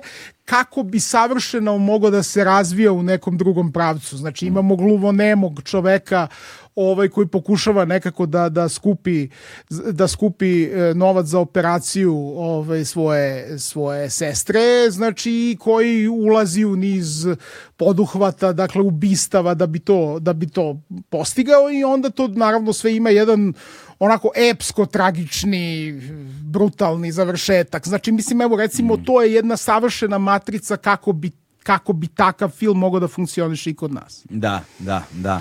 Ovaj, ali vidiš, ali zanimljivo je, ali stvar je u tome što korejska uh, uh, vlada ulaže u kulturu tamo. Odnosno, znači, ko, kore, pa juž, da, pa da, ali hoću da kažem da je, da je njima to strateška odluka, jer oni to rade, recimo, K-pop, na primjer, kao muzika, da. uh, film, je nešto što je kao, što, nešto što su oni planski rešili da investiraju još tamo od, ne znam, početka ili sredine 90-ih kao projekat ono da, da, da, da, da, da proizvedu taj mainstream koji bi bio imao globalni uticaj. Da. I oni to vrlo dobro rade, zapravo i vrlo uspešno. Pa kako ti kažem, to je plan svake da, nacionalne da. produkcije, samo nisu svi dovoljno vešti u tome da i nisu nemaju dovoljno sluha mm. da izaberu određene projekte koji bi to mogli da predstavljaju i to je najveći problem. Da, da. E sad sam se setio još jednog je onako potpuno random, ovaj šta mi je ostalo to kao klinac leptirica mi je bila isto. Da, naravno. naravno to sad, eto, šok u domaćem miljeu, što da, je bila da, da, redka stvar. Mada bilo je, bilo je raznih jugos, ex-jugoslovenskih filmova koji su... Koje ovaj, bi izdvojio kao najznačajnije? Pa evo recimo imamo Ustaški teror, okupaciju 26 slika uh, Lordana Zafranovića, mislim da je to, ima onu scenu u autobusu koja je apsolutno svakom klincu koji bi video to u udarnom terminu bi ostavilo mm. ovaj, neki utisak. Takođe, naravno, Variola Vera, Gorana Variola Markovića, Vera, dakle, takođe Dežavi Gorana Markovića. E, ima i dokumentarni film sada o Varioli Veri sa originalnim doktorom koji je zapravo sprečio dalje širenje Variole Vere koji se zove za Mladena Kovačevića, da li sam zaboravio kako se zove? Da, Mladen Kovačević, yeah. moj dobar drug. I on je radio na Artu dok smo mi radili mm. Shock Corridor u jednom momentu i mislim onda smo da planirali smo nešto da radimo, ali onda je da, posle da. on otišao odatle, ali eto, to je eto. Da, Variola Vera, bravo, Bukvalno, Variola Vera da. je odličan primer. Eto još jednog. Koji još? Od domaćih filmova. Mm. Pa bilo je, mislim, bilo je raznih stvari. Recimo, bi, bio je jedan ovako neuobičajen u filmu uh, uh, Bakira Tanovića Ljubav i bijes. Mm -hmm. Postojala jedna scena gde se, gde se neki hođa pretvara u jedno oko čudovište ovaj, nekim stop motion efektom koji je potpuno bio neuobičajen za, za, za naše uslove.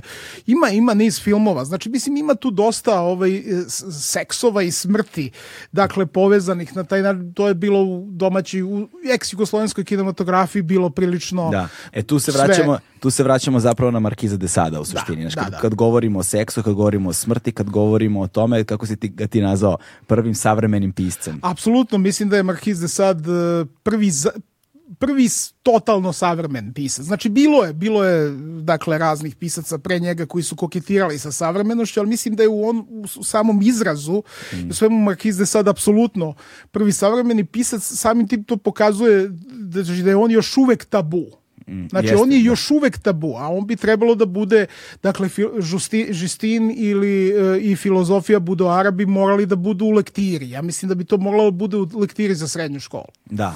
I klincima bi bilo mnogo zanimljivije da čitaju to nego Pro, Dona. Daš, e, da, ali kada bi tako nešto bilo u lektiri za srednju školu, problem je bio, bi bio u tome ko bi ovaj, predavao i ko bi radio tumačenje i ko bi ono, komunicirao to naš... Vole oni to da čitaju takođe, samo se stide da priznaju. Pa, pa nije problem u tome da vole da čitaju, ja samo govorim o tome ko bi bio autoritet koji bi u školama, recimo, znači, ako bi to recimo bilo obavezno lektira u srednjoj školi, to znači da svaka srednja škola bi morala da ima nastavnika koji bi mogao to da predaje na Mo, adekvatan mogli način. Bi, mogli bi neki postojeći to da predaju, samo mislim da je veliki ovaj, e, zapravo ta neka moralna panika čitavog društva je mm. tolika da se to, mislim, ne samo kod nas, mislim, da. Markiz de Sad nije na svom mestu, znači on nije postavljen na svoje mesto na kojem bi trebalo da bude. Kad, ga, kad ga kažeš da je on prvi pravi savremeni pisac, šta pod time da. podrazumevaš? Podrazumevam, znači, e, i izraz, znači i njegov stil, i obsesije, Znači, i, i, da. i, i, znači problemi koje eksploatiše i sve i niz zapravo luk problema, ark problema koji on obrađuje ovaj, u svojim znači od, od lične traume do, do, do potpune društvene devastacije znači do jedne, do jedne vrste e, od britke satire do naturalizma preko mislim e, preko naj, naj, analize najdubljih ljudskih poriva Da. Znači, mislim da, da, da je sve, da on spaja apsolutno sve u smislu je modern i još uvek aktuelan. Sve, sve što je on napisao je još uvek aktuelno. To je ono što je meni fascinantno kod horora u tom kontekstu. Zato što u velikoj meri a, sam horor u svojoj izvedbi je maskiranje, ali je zapravo u svom narativu demaskiranje. Što je ono, znači, znaš, imaš društvo, imaš ljude u tom društvu, individue i zajednice, jel te, i onda vidi ih kako se ponašaju kada se maske skinu. Vidi kako izgleda kada maska prestane da postoji, tako što ćemo staviti masku da bismo nešto prikazali. Ali, znaš, taj negde... To je, ne, ne, to, to je ta ovaj, zapravo definicija horora koju ja volim da, da. citiram. U stvari, to je taj moment kada, kada maske padaju i realnosti se sudaraju. Znači, suprotstavljene realnosti se sudaraju. Svako živi u nekoj svojoj realnosti i u jednom momentu vidi invaziju nečije tuđe realnosti na, na svoju i znači padaju maske, padaju maske te društvene uniformosti, padaju maske te jedne civilizovanosti, znači ispod toga se krije ono što je ljudska priroda u stvari, a to je čisti mrak. Da, čist, To je, to je zverstvo. da, da to, tu vidiš koliko uh, smo i dalje životinje. Apsolutno. Mislim da, da u klasičnom smislu mi smo, cela civilizacija je na izvestan način formirana tako da prikrije ljudsku prirodu, suštinu ljudske prirode, da na izvestan način maskira, uh, uh, maskira ono što su naši pravi porivi. Jel tako? Da. Ko što su naši izvorni porivi, jel tako? Znači, biti čovek na izvestan način je prevazići te svoje porive i dakle stremiti ka nečemu uzvišenijem, ali mislim to sad mogu redki primjerci ljudske vrste da se pohvale ovaj time A da, možda su, ne da su može, uspeli. A možda ne može i niko. Možda ne Da, može niko. ne za- može. za- zato što na neki način uh, tu težnju smatram idealom, a kao i svaki ideal je nešto čem, što ne može se postigne, samo mu se može permanentno težiti. Znaš, i onda zapravo ti možda su neki dalje odmakli, Da. ali to i dalje ne znači da su se oslobodili. Apsolutno. Znaš, i Da. onda tako posmatrano, a, u zavisnosti od, tome kako, od toga kako, koji su kulturni identiteti i kojim su se kult, ku- kroz taj identitet kojim su se putem kretale različite kulture, zavisi kakve su matrice usvojili, u odnosu na to kakve su matrice usvojili, zavisi na koji način će ih se oslobađati kroz karnevalsko ili kroz umetničko. Apsolutno, Znaš, mislim, i- umetnost je tu ključna. I čini mi se da ima nečeg strahovito karnevalskog u hororu takođe. Da, da, da, apsolutno. Mislim, ne, horor je jedna vrsta katarze. E, Znači, Kao i karneval. Kao i sve, mislim, kao, i- kao i što bi drama trebalo da bude generalno. Znači, to teži se ka izvesnoj vrsti pročišćenja kroz kroz sukobljavanje sa, sa suštinskim traumama, dakle, Mm. sa suštinskim Ovaj, e, mislim da je horor tu najekstremniji, mislim, zato što, zato što on ide do tih, e, e, horor se usuđuje da ode do tih krajnosti, a priorno. Znači, mislim da je zato to, a na, sa druge strane, to je jako zahvalno estetski. Da. Dakle, pruža niz mogućnosti za neverovatne slike, za upečatljive slike, koje možda neki mirniji žanrovi ne mogu da proizvedu. Da, e, sad tu se vraćamo na šok koridor. Da. Znaš, jer vi ste onda pravili format u kojem ste uzimali isečke, jel te, koji su u trajanju, ne znam, 5, 6, 7 minuta. Imali ste isečke, boga mi, ono, traje Imali smo. scena i... Da, nekad smo hteli da, da, da prikažemo. da, to, da, da, da to traje. I zanimljivo je bilo što ste, vi, što ste vi imali te razgovore sa gostima, jel te, kako ti kažeš da dovedeš nekoga iz potpuno ono, ne znam, Mirinu Bobić Musilović, ili tako nešto, dovedete ljudi iz potpuno drugačijeg sveta i onda ih suočite sa haosom. To je bio koncept. Da. to je bio koncept. Znači da Koje fish, su- fish out of water, znači dovedeš ribu na suvo i znači vode u kojoj suvereno pliva i onda je znači ubaciš u jedan kontekst koji je apsolutno nepoznat i predstavlja šok, tako da je to šok koridor, šok terapija za gosta takođe. Da, da, da, to, da. to je bila, mislim, to je stvaralo tu su, super dinamiku Mm. koja je bila neophodna. Znači da sad smo tu mi koji smo verzirani u tome i sad dovodimo nekog iz kulturnog mainstreama kome je to potpuno strano. Da, da. I E, koji onda sad ima... I koji su neki naj... Na- koji su ti neke, neka, pošto ono što je problem, uh, jeste što Shock Corridor zapravo samo u nekim malim segmentima može da se nađe online. Ne mogu da se nađu epizode sve u, celo, u celosti posebno, jer ta arhiva je kod tebe, kod Bekvalca, ne znam, o, Kod Nenada, da. kod Nenada je ta, ta, ta, ta arhiva i mislim da bi stvarno to trebalo da se pronađe ono da se, da, će, da, se, da, se, da se digitalizuje, da se uploaduje. Prvo moramo da napravimo ozbiljnu selekciju, znači ima tu sad raznih epizoda, neki na koje nismo ponosni, pa ćemo onda da ovaj, pa ćemo onda da, da, da E, ali- postavimo, bit će u jednom momentu dosta. Ok, ima epizoda na koje, na koje epizode niste ponosni? Pa neke u kojima ili nismo imali gosta ili se, mislim, ne, nešto, ili sad ima nekih, jel, ovaj, e, nekih možda previda ili nekih grešaka ili nekih tako stvari. Koje Mhm. Ili možda stvari koje danas u današnjem društveno-političkom kontekstu možda ne bi bile ono... Ne, ne, ne, dobro, sad tu da, postojalo je, postojalo je i toga. Bilo je i toga, ali kažem generalno, uh, uh, generalno zapravo šta je, uh, postoje neke uh, neke epizode koje, koje, eto, kao, znači, recimo imali bismo situaciju da nam ne dođe gost, znači u tom momentu da nas ispali gost, jel? Da, da. I onda, eto, onda bismo mi nešto improvizovali. upozore gosta, kaže, znaš li ti gde ideš, jesi li ti Da. svestan i onda se samo kaže, ipak ja ne bih. da, da. Jel bilo takve situacije? Pa bilo je, bilo je. Da. Bilo je. Ove- Ali generalno to je bilo, ovaj, to je to ovako dosta bila cool stvar. Uglavnom su svi hteli da dođu. Da. Sa tradicijom dugom skoro tri decenije, Legend Worldwide je prepoznatljiv domaći brend sa akcentom na jeans, pre svega, koji odlikuju bezvremenski, klasični modeli. E, a koji, koje bi gostovanje izdvojio kao dragulje, ono, tog e, šok terapije? Pa ima ih dosta. Mislim. Ko baš nije mogao da veruje šta gleda? Ovaj, pa eto, pomenuo si da. Miru Bobić Mojsilović, ona je bila zaista šokirana. Šta ste njoj puštili? Ne mogu da se setim šta je bila tema. Ali mislim takođe ideja šok koridora je bila da se, da se uzme aktuelna tema, da se uzme ozbiljna tema. I ovaj onda da se obrađuje kroz materijale koje mi imamo i filmove koje mi imamo sa nekim ko je došao iz potpuno drugog miljeja. Tako da je to bila ovaj to je bila glavna stvar. Znači da se da, na izvestan način i onda da pravimo takođe satiru moderne jel tadašnje srpske kinematografije na izvestan način da se njima da da ih trolujemo na izvestan način. Da, da, da. da, da. Ovaj tako da to spoji svih tih stvari, jel tako? Da.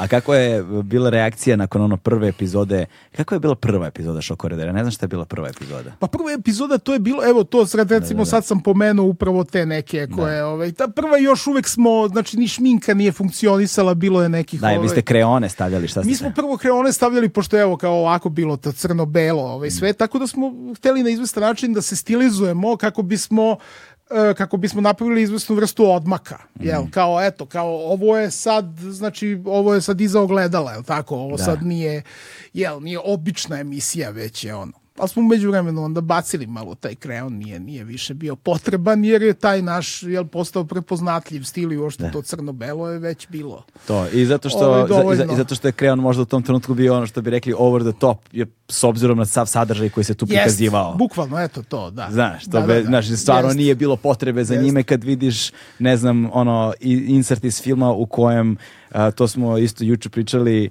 ovaj, a, autobus pun, ono, srednjoškolki i onda samo odjednom a, se odseče krov i sve njihove glave u jednom potezu. Film Tag Shiona Sona. e, to. Gledajte film Tag. Znači, to je po- potpuno potpuno ludilo. To, to su scene koje ja kada sam gledao kod vas, ja sam bio, ja nisam mogao, zapravo meni... To meni- si gledao, to, ja mislim, Tag nije snimljen, snimljene kasnije, pošto je Show Corridor prestao se prikazuje, gledao si na jednoj od tribina, ja mislim. Mo, a na tribini sam Da, možda gledao. da, Da, da, jeste, da, vi da. ste išli na tri, da, vi ste organizovali tribinu u Domu omladine. Ima još bio. uvek idu tribine u Domu omladine. Jel da? Da, da, E. da, ide, evo to Nenad vodi. Da, da, to vidiš kako sam ja samo sam mešao, me- ono, pomešao sva sećanja, ali tu su negde, znaš.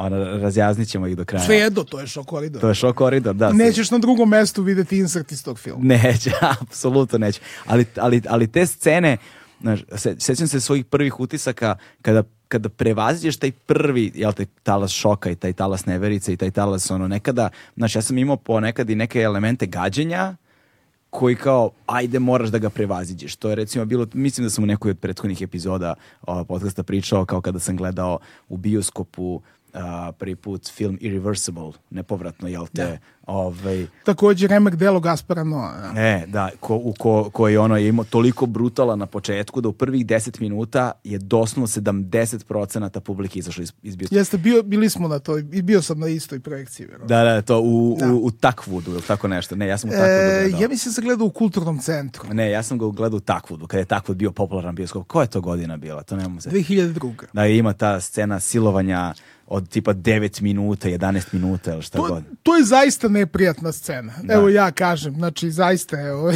kad je meni neprijatno, jeste. Mislim, zato što je, ali sad ono što je takođe interesantno je da je, da je e, Gaspar Noe ovaj, fantastično talentovan filmmaker, znači njegov stil je takav da je čak i taj, i taj e, ta scena koja je maltene u jednom kadru, je tako? Tako, to je jedan, kao ne- statična prolazu kamera nekom, da. je stilizovan, je, je, je maestralno stilizovan. U smislu da to sad kao nije neki naturalizam koji mi gledamo, nego je kao jedna ipak izdignuta stvar. Mislim da je da on se bavi specifičnom stilom. Bar. Da, da, to. Znači, onda kad posmetraš početne kadrove i kad posmetraš po, finalne kadrove, ti zapravo vidiš... Ali jedan- taj film, eto, recimo, imaš, to je dobar primjer filma koji, koji bukvalno ovaj, ide dokle, dokle filmsko nasilje može da ode. Dakle, dokle, dokle prikazivanje filmskog nasilja može da ode. Znači, do, do kog stepena grafičkog i, i bukvalnog i, znači, da. i zapravo, na, da, eksplicitnog do kraja. Da, to, znači, i onda, e sad, i on, i on, i sva- stvar je u tome što u suočavanju sa takvim elementima, kada imaš taj prvi, ono, neprijatno ti je, sramota te, gadiš se, šokiran si, šta god, sad ti treba nekako da pronađeš mehanizme u sebi da prevaziđeš taj po, početni moment, ali istovremeno da bi ga prevazišao moraš sebi nekako da ga objasniš. Znaš, kao da to zapravo ima umetničku vrednost. Da ga da, racionalizuješ, da. da to ima umetničku vrednost. Da. Zna, e sad, a da nije samo nešto eksplicitno u čome ti si onda saučesnik time što Pa posmatraš. ne, vidim, mislim, dobro, sad, saučesnik si ako gledaš snaf, ako je neko zaista ubija. Da, da, da, da, da, da, da, da, da. u slučaju u kome je to inscenirano, apsolutno, mislim, tu nema nikakvog Mhm. moralnog ovaj problema. Ono što je, odmah je jasno iskusnom gledaocu e, e, šta je, mislim, da li to ima estetsku vrednost. Da. Znači, odmah je jasno, odmah se vidi stil. Vidite da, sad kao da, da nije nešto što je čista, čist puk prizor, jel, bukvalno pornografski toga. E, čim postoji izvesna vrsta stilizacije, znači izvesna vrsta uh, veštine u toj stilizaciji, to automatski Mm. već, uh, već nije čist, jel? Zanimljive su te, porn, za- da zanimljive, kažem. zanimljive su te uh, rane 2000-te sad kada što više pričamo o njima, što više razmišljamo o njima. Jer sa aspekta recimo američke produ- produkcije, pardon, oni su se tada takođe bavili pomenuti sada snaf. Neka produkcija sijaset nekih filmova čini mi se se pojavila koja je imala za premisu pokušaj da se bave snafom. E, jeste, mislim, to je strašno fascinantna tema. Mislim, to je, eto, to je sve počelo sa filmom Hardcore e, Pola Šredera ili U podzemlju seksa, film još iz 78. ja mislim. Ovaj koji je prvi put, znači, taj termin snaf, ovaj, je to bil uopšte prisutno. E sad, to je, da, to je urbana legenda da postoje ti filmovi koje neko plaća da, ovaj, ovaj, da plaća da bi video realno ubistvo. Znači, u pornografiju realnog čina ubistva. Da. Ovaj, e, dakle, pos, postoje onda film uh, 8 mm ovaj, Joel. Schumachera, da, koji je Andrew Kevin Walker, scenarista Seven, je, je pisao taj scenario. Znači, im, e, i Mm. To je, onda tu je Nicolas Cage. Nicolas Cage. da, Nicolas Cage. Onda je početkom 2000-ih, znači kako je, kako je taj e, strašno značajan niz filmova koji valjda Talas se zove Novi, novi francuski brutalizam, jeli? Tu je strašno značajan film od tenzion ili visoka tenzija Alessandra Aže, mm -hmm. ovaj, koji je onda pokrenuo niz, ovaj, niz odgovora američkih na to, jeli, koje to je sad bilo u jeku ovih Bushovih raznih ratova, dakle to je... Pa to su te rane 2000. To su rane 2000, znači od 2005. recimo Hostel i Lerota mm. i tako po, počeo je taj torture porn, jel, da bude kao kao strašno in e, u tom momentu, ali to je kratkog daha bilo. Naravno, Jest. nije mogo taj, jel, a i nije, nije bilo dovoljno američkih dobrih filmova na tu temu. Da, nije bilo Zaista, dovoljno, a i nekako, kvalitetnih da, a i nekako se sve baziralo na toj jednoj stvari i onda se ona brzo ispere, brzo se, isce, brzo da, se iscedi, da. posebno ukoliko je ne iskoristiš kao da. mehanizam da prodreš dublje u podsvesno. Jeste, stvari, znaš. apsolutno, pa ne, mislim, srpski Nego ga završavaš film, na tom eksplicitnom da, da, srpski momentu. film je na izvestan način je, je takođe koristi se, ta, koristimo se tom vrstom estetike koja je bila da. u poslednjih nekoliko godina strašno strašno aktuelna, kako bismo rekli, jel, ispričali našu stvar. E, sad ćemo stignemo polako do srpskog filma, nego sam samo hteo kao komentar tome kako se zalazi u podsvesno i u, u taj odnos prema, recimo, nasilju na taj način. I tu je ono, tu je ono gde je meni Haneke bio genijalan, znaš, recimo gledajući njegov Funny Games, pa gledajući oni kako se zove Kaše ili kako se već zove film, pa onda, znaš, Ja nisam veliki fan da, da. tako da ne delim ovaj, tu tvoju, ovaj, eh, hoću da kažem šta je sa Funny Games.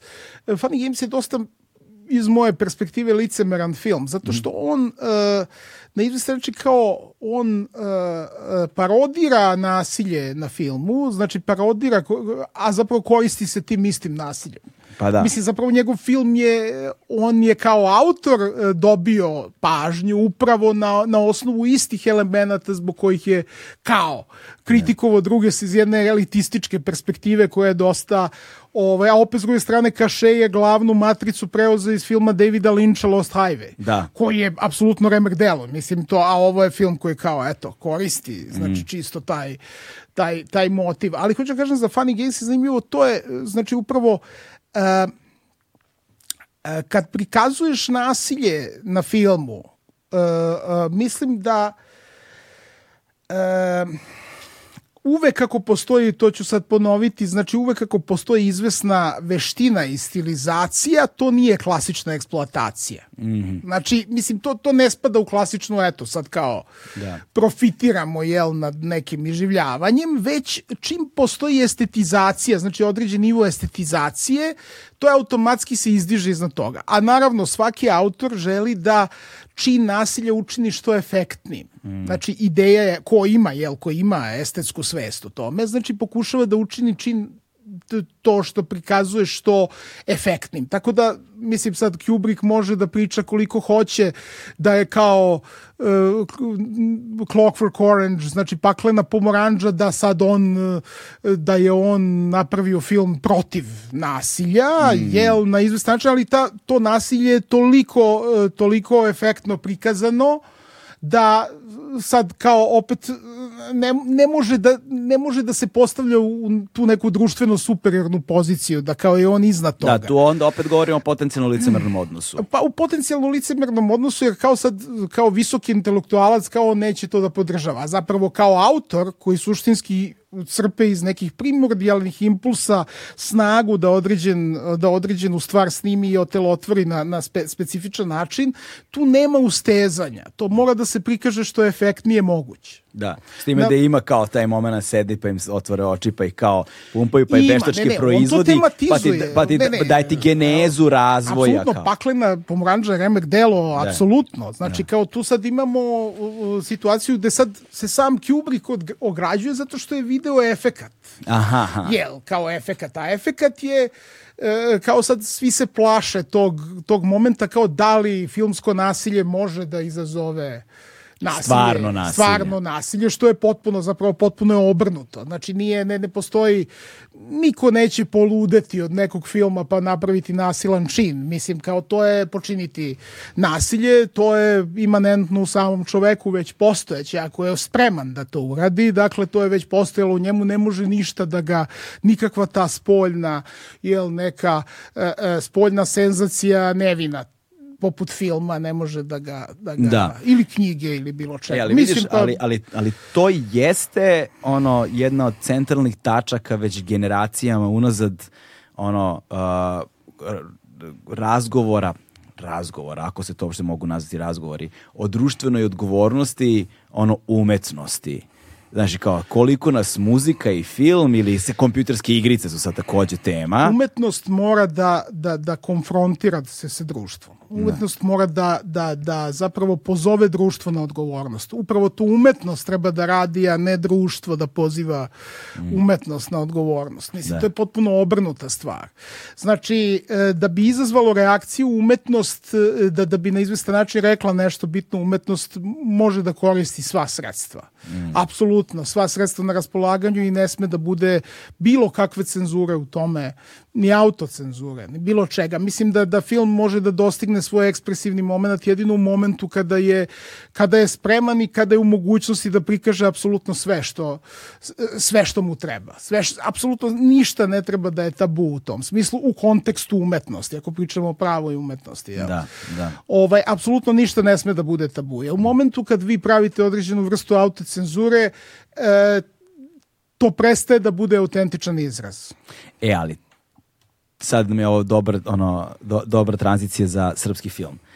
A, ti kao autor, a, u ovom slučaju kažem ti, mislim ono kolektivno, ti, znaš, kao autori, a, vrlo često žele da kao hoću sad da oslobodim sve brane, da otpustim sve kočnice i hoću a, ono n- potpuno, 100% slobodno, bez ikakve zadrške, da kao pustim da to teče. Ali to zahteva mnogo više od toga kao samo sam pustio kočnice. To samo tako zvuči. Ali, da- ali ti da bi dozvolio da to teče na takav način iz tebe, moraš svašta nešto da uradiš sa samim sobom da bi došao do tog trenutka. Sve zavisi od tvog ličnog motiva. Šta je tvoj motiv da pustiš sve kočnice? To, to je suština. Znači, ne možeš ti sad da kažeš, eto, kao ja sad imam ideju da pustim sve kočnice. To mora da bude motivisan. Da, i taj motiv mora bude snažan. Mora da postoji autentičan, snažni motiv iza toga da se koriste ta sredstva do kraja. To je suština. Znači, polazi se odatle, ne polazi se od, jel, pull out all the stops, nego se polazi od polazi se od same ideje i motiva koju ti ličnog, autorskog motiva. ko je tvoj unutrašnji taj koji ti dozvoljava da budeš toliko slobodan. Da, upravo to. Ko, ali koji, koji je A, tvoj? me pitaš? Da, pitam te, da. Ovaj, pa, mislim, evo, ovo upravo što sam rekao. Dakle, da, da mislim da umetnosti ne treba da bude granica. Znači, u smislu da e, da da umetnik, znači filmski umetnik mora da bude e, mora da bude u mogućnosti da da uradi sve što je znači u teoriji što je što je Desad uradio u literaturi. Mhm. Znači mislim taj raspon stvari mora da mu može da mu mora da mu bude omogućen. A šta je tvoj unutrašnji drive? Ono, šta, je, šta je to što tebe, Pa tvoja, tvoja unutrašnja e, dinamika? ko- konfrontacija sa, sa sredinom, sa svetom u kome živim. Znači suštinska konfrontacija, ne pričam sad o nekim ne pričam sad o nekim jel peti stvarima, sitnim Da, da. stvarima, znači nego pričam suštinski o uh, smatram da je i sredina i svet globalno u kome živimo, smatram da je, da je ja sam u suštini od početka u konfrontaciji s njim. Suštinskoj konfrontaciji. Tu se vraćamo zapravo na taj period iz ranog detinjstva. Vrednosti ovog sveta i moje vrednosti su, su bukvalno suprotne, suprotstavljene. I samim tim to stvara frikciju koja je odlična za, za neko dramsko polazište i estetsko polazište. I zapravo imaš, imaš jedno celoživotno gajenje te, tog Apsolutno. trenja Apsolutno. koje u tebi kreira dinamiku iz koje proizilaze ono što ti pišeš. Apsolutno, mislim... A horor je samo, eto, sredstvo na koje to Tako radiš. je, horor je, mislim, sad, ko je, ko je prošao kroz 90. u Srbiji, mislim, šta, horor, mislim, horor je obična stvar. Da, da. Jel tako? Samim tim je, je, je još intrigantnije zašto, zašto je on toliko potisnut. I upravo to potiskivanje, nemogućnost da se zapravo to izrazi na određen ekstreman način, znači nemogućnost da se e, nemogućnost autora da, da, zapravo, da zapravo budu podržani u takvim projektima koje idu, koje idu do, do izvesne granice, koji vuku stvari do kraja. Da. Nemogućnost autora da to, da to urade takođe e, e, zapravo rezultira u jednoj e, impotenciji naše kinematografije. Znači, jednoj kreativnoj impotenciji. Znači, u smislu da de sad ti jednostavno ne koristiš određena sredstva, koristiš samo ono što je pod navodnicama pristojno. Mm. Eto, što kaže da mlaka kisela voda. tako? Niko neće biti Izlapela, uvređen. Mlaka Niko neće voda. biti uvređen, znači neko će popiće, neće znati šta je popio, mislim, eto, ali bit će u redu, eto. Da. Može i bolje, tako, pa eto, sledeći put možda. Na tragu, znači, na, da. Zvini, na tragu toga, uh, ono što danas vidimo kao deo mainstreama, globalno posmatrano i ono što nam dolazi na, na, da. na, na streaming servise, prevashodno, a potom i u bioskope i tako dalje, govorimo dakle o mainstreamu, govorimo o popularnoj kulturi, je bukvalno to o čemu ti govoriš. Apsolutno. Mi danas imamo ono ispiranje od svega i takvo hodanje po jajima da se ono svi društveni Pa eto, to je, to je proizvod onoga što je što, što, što danas nazivamo woke kulturom, koja je da. potpuno, znači, uštrojila do kraja umetnost. Znači, potpuno filmsku umetnost, u smislu onemogućila da bilo o čemu govori na jedan otvoren način. Nego sve mora da bude prikriveno, sve mora da bude nekako... Vratili smo se u doba ono neke američke cenzure 40-ih i 50-ih godina. Da, da. Taj cancel culture, ono ceo... Can, da, cancer culture. Da. da. Ovaj... E, I onda nas to nas vraća, znaš, i, i tim pre kada posmatramo srpski film koji je 2010. Jel pa tako to je to, srpski film najavljuje to. Znači ja kroz srpski primer srpske kinematografije tada eurofondovske koju sam pominjao upravo e, e, e, tu se predosetilo već, već, već to do te mere, pošto eto, mogli smo, smeli smo da pravimo samo neke, neke impotentne filmove koje nikoga ne zanimaju, znači to e, upravo se dešava na globalnom nivou, tako? Mm. Da. Mislim, to je naravno uz, uz mnogo izuzetaka, znači imamo, evo, pričali smo o stvarima koje postoje ne. još uvek naravno, ali kažem mislim mislim na ono što se zove što se zove neki euro i američki mainstream. U tom ne. smislu eurofestivalski, a američki komercijalni mainstream. Jeste. E, ali ovaj ali kad staviš recimo sve to što sad, ne znam, uzmeš top 10 bilo čega sa Netflixa i staviš paralelno s time srpski film, ti ne znam, ne znam, ne znam, i dalje mi je teško da, da srpski film klasifikujem u tom nekom smislu klas, zato što nemam referentnu vrednost za srpski film ako posmetramo stoji, ono nekako je stand alone znaš, stoji sam, nezavisno potpuno drugačiji od svega i ovaj i kaže rekao sam ti to već otišao sam ovaj na IMDb i to ja mogu kažem ljudima idite sad na IMDb i pogledajte samo reviewove to film polovina reviewova se uopšte nije usudila da stavi ocenu,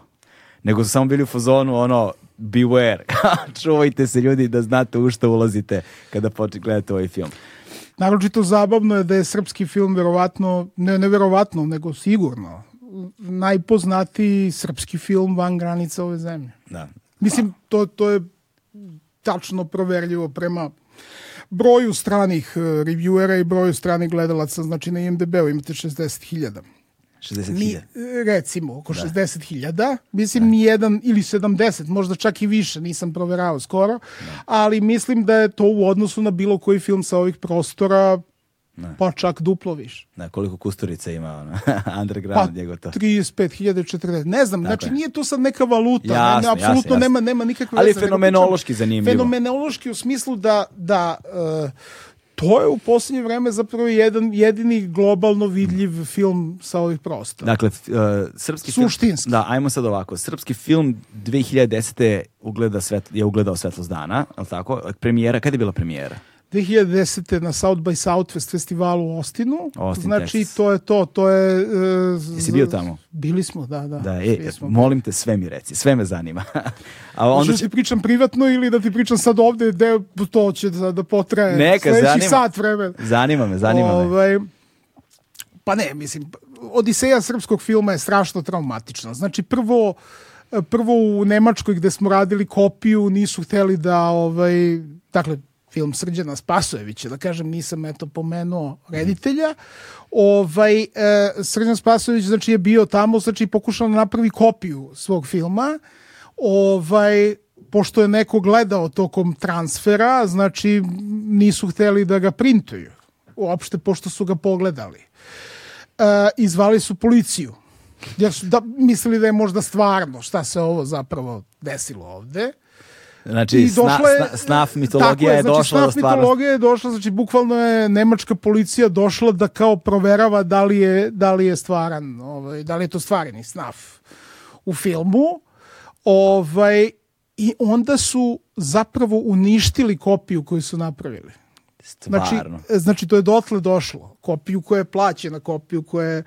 Znači, Jesu li vratili novac? Da ne, bi, da ne bi bili, sad ne znam, Da. verovatno jesu. Da. Ali, eto, kao vratite nam pare. Jel? I čekaj, Ovaj, policija kada je došla, šta su zaključili? Na osnovu čega su zaključili? Su privodili nekoga na neki Pa razgovor? ne, ne, to je bilo potpuno apsurdno. Ja nisam bio tamo, znači Srđan je bio tamo, ali kažem, evo, sad uh, ovaj, situacija je bila da da je neko ko je gledao tu kopiju dok se ona transferisala je video te neke prizore i bio strašno uznemiren, verovatno neka gospođa koja je onda zvala, jel, ovaj, zvala policiju da vidi šta se tu, jel, to kao morate da uhapsite ove ljude, tako? I Da. onda je do, prošlo dosta dok je policija zaista utvrdila da je to film, jel, da to nije sad ovaj to, to je sad i naravno kopija je jedva onda napravljena u, u Budimpešti nekako znatno slabiji print zato što je ta nemačka ovaj. Oni su glavni. da ne Nemci su da i pra, najbolji print nije sad na Blu-rayu je izuzetno postoji sad ta jel, transfer koji je mnogo bolji ovaj, ali kažem eto to, to se to se to je početak stvari onda je mislim u, u ovaj u jednom španskom festivalu je ovaj je je uhapšen uhapšen ovaj selektor zato što je prikazao film. Stvarno. Da. Wow. Takođe postoji priča da su ovaj neka da, je ne, da su neki zapravo religiozni ziloti ovaj, koji su istovremeno i bajkeri iz Španije su čekali da mi dođemo na festival da bi nas da bi nas uhvatili i stavili u neki kombi i onda stavili u page za picu.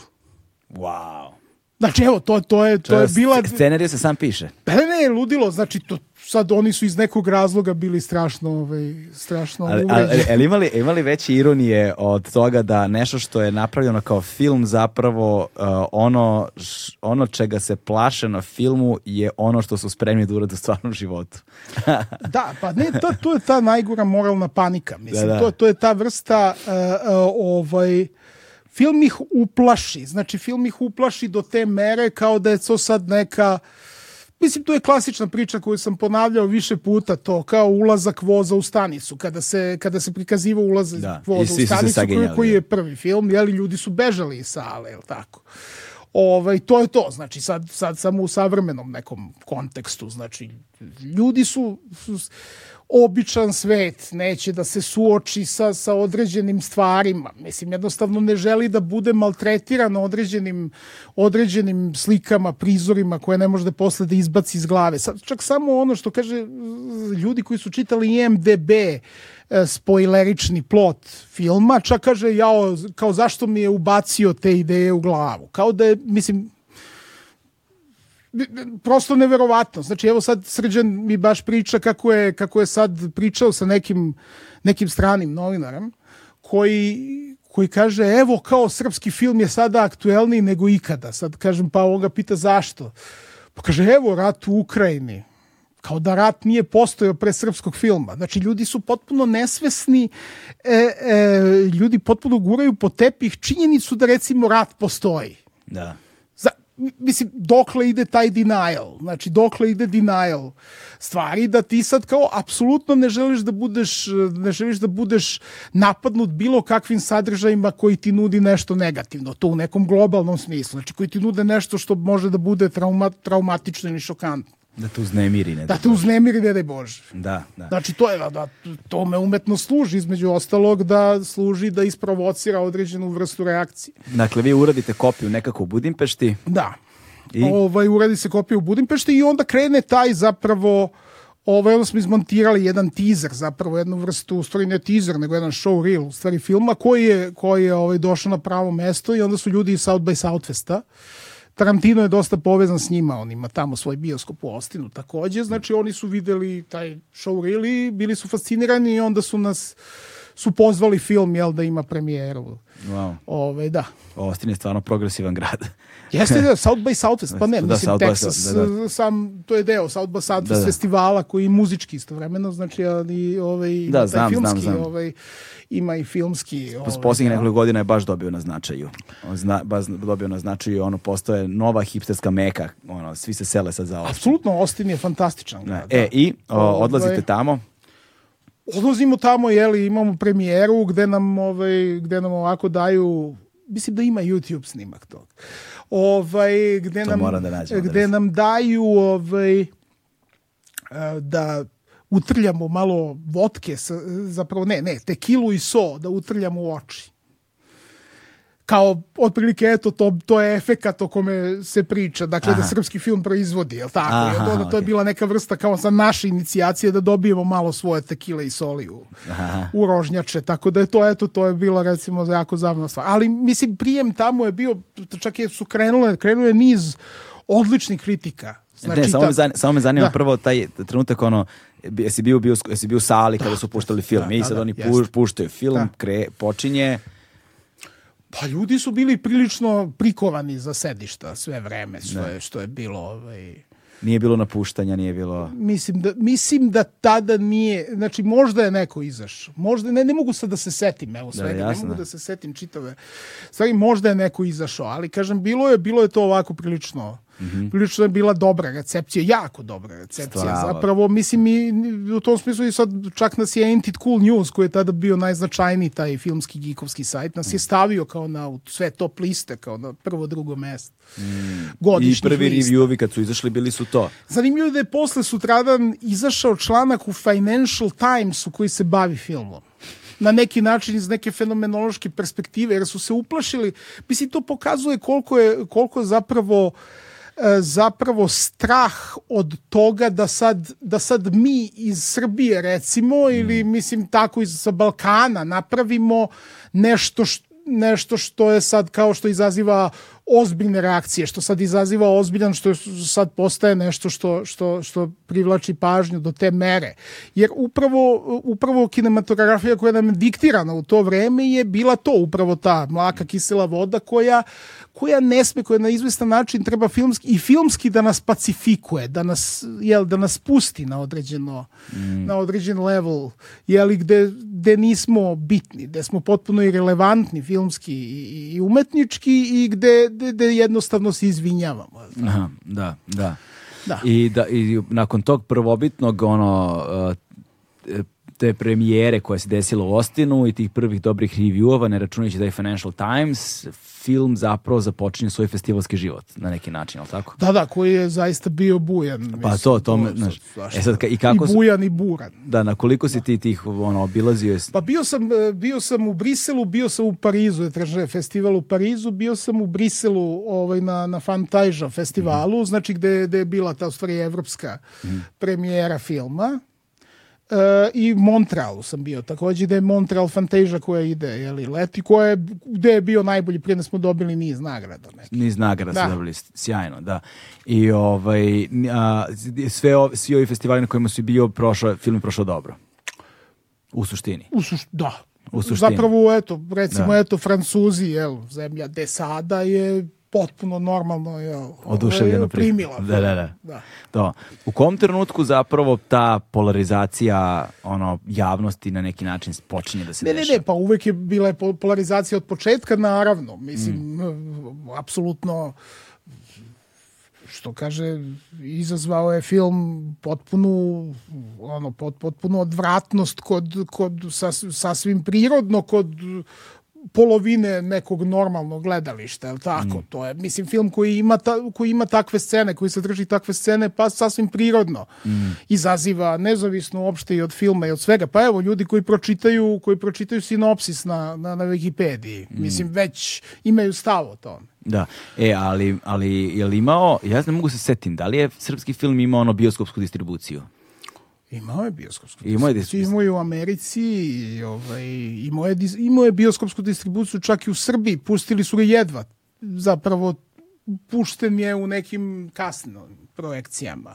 Ali je imao tu neku limited, jel? Da. Kada si, Bioskopsku ka, distribuciju. ka, ka- dakle, 2010. godine u Ostinu je bila premijera. A, kada je nastala prvobitna, šta je bila klica ideje za srpski film kada si ti seo da počeš, seo da pišeš scenariju? Pa evo ja i Srđan smo, smo sedeli i bili smo revoltirani, jel?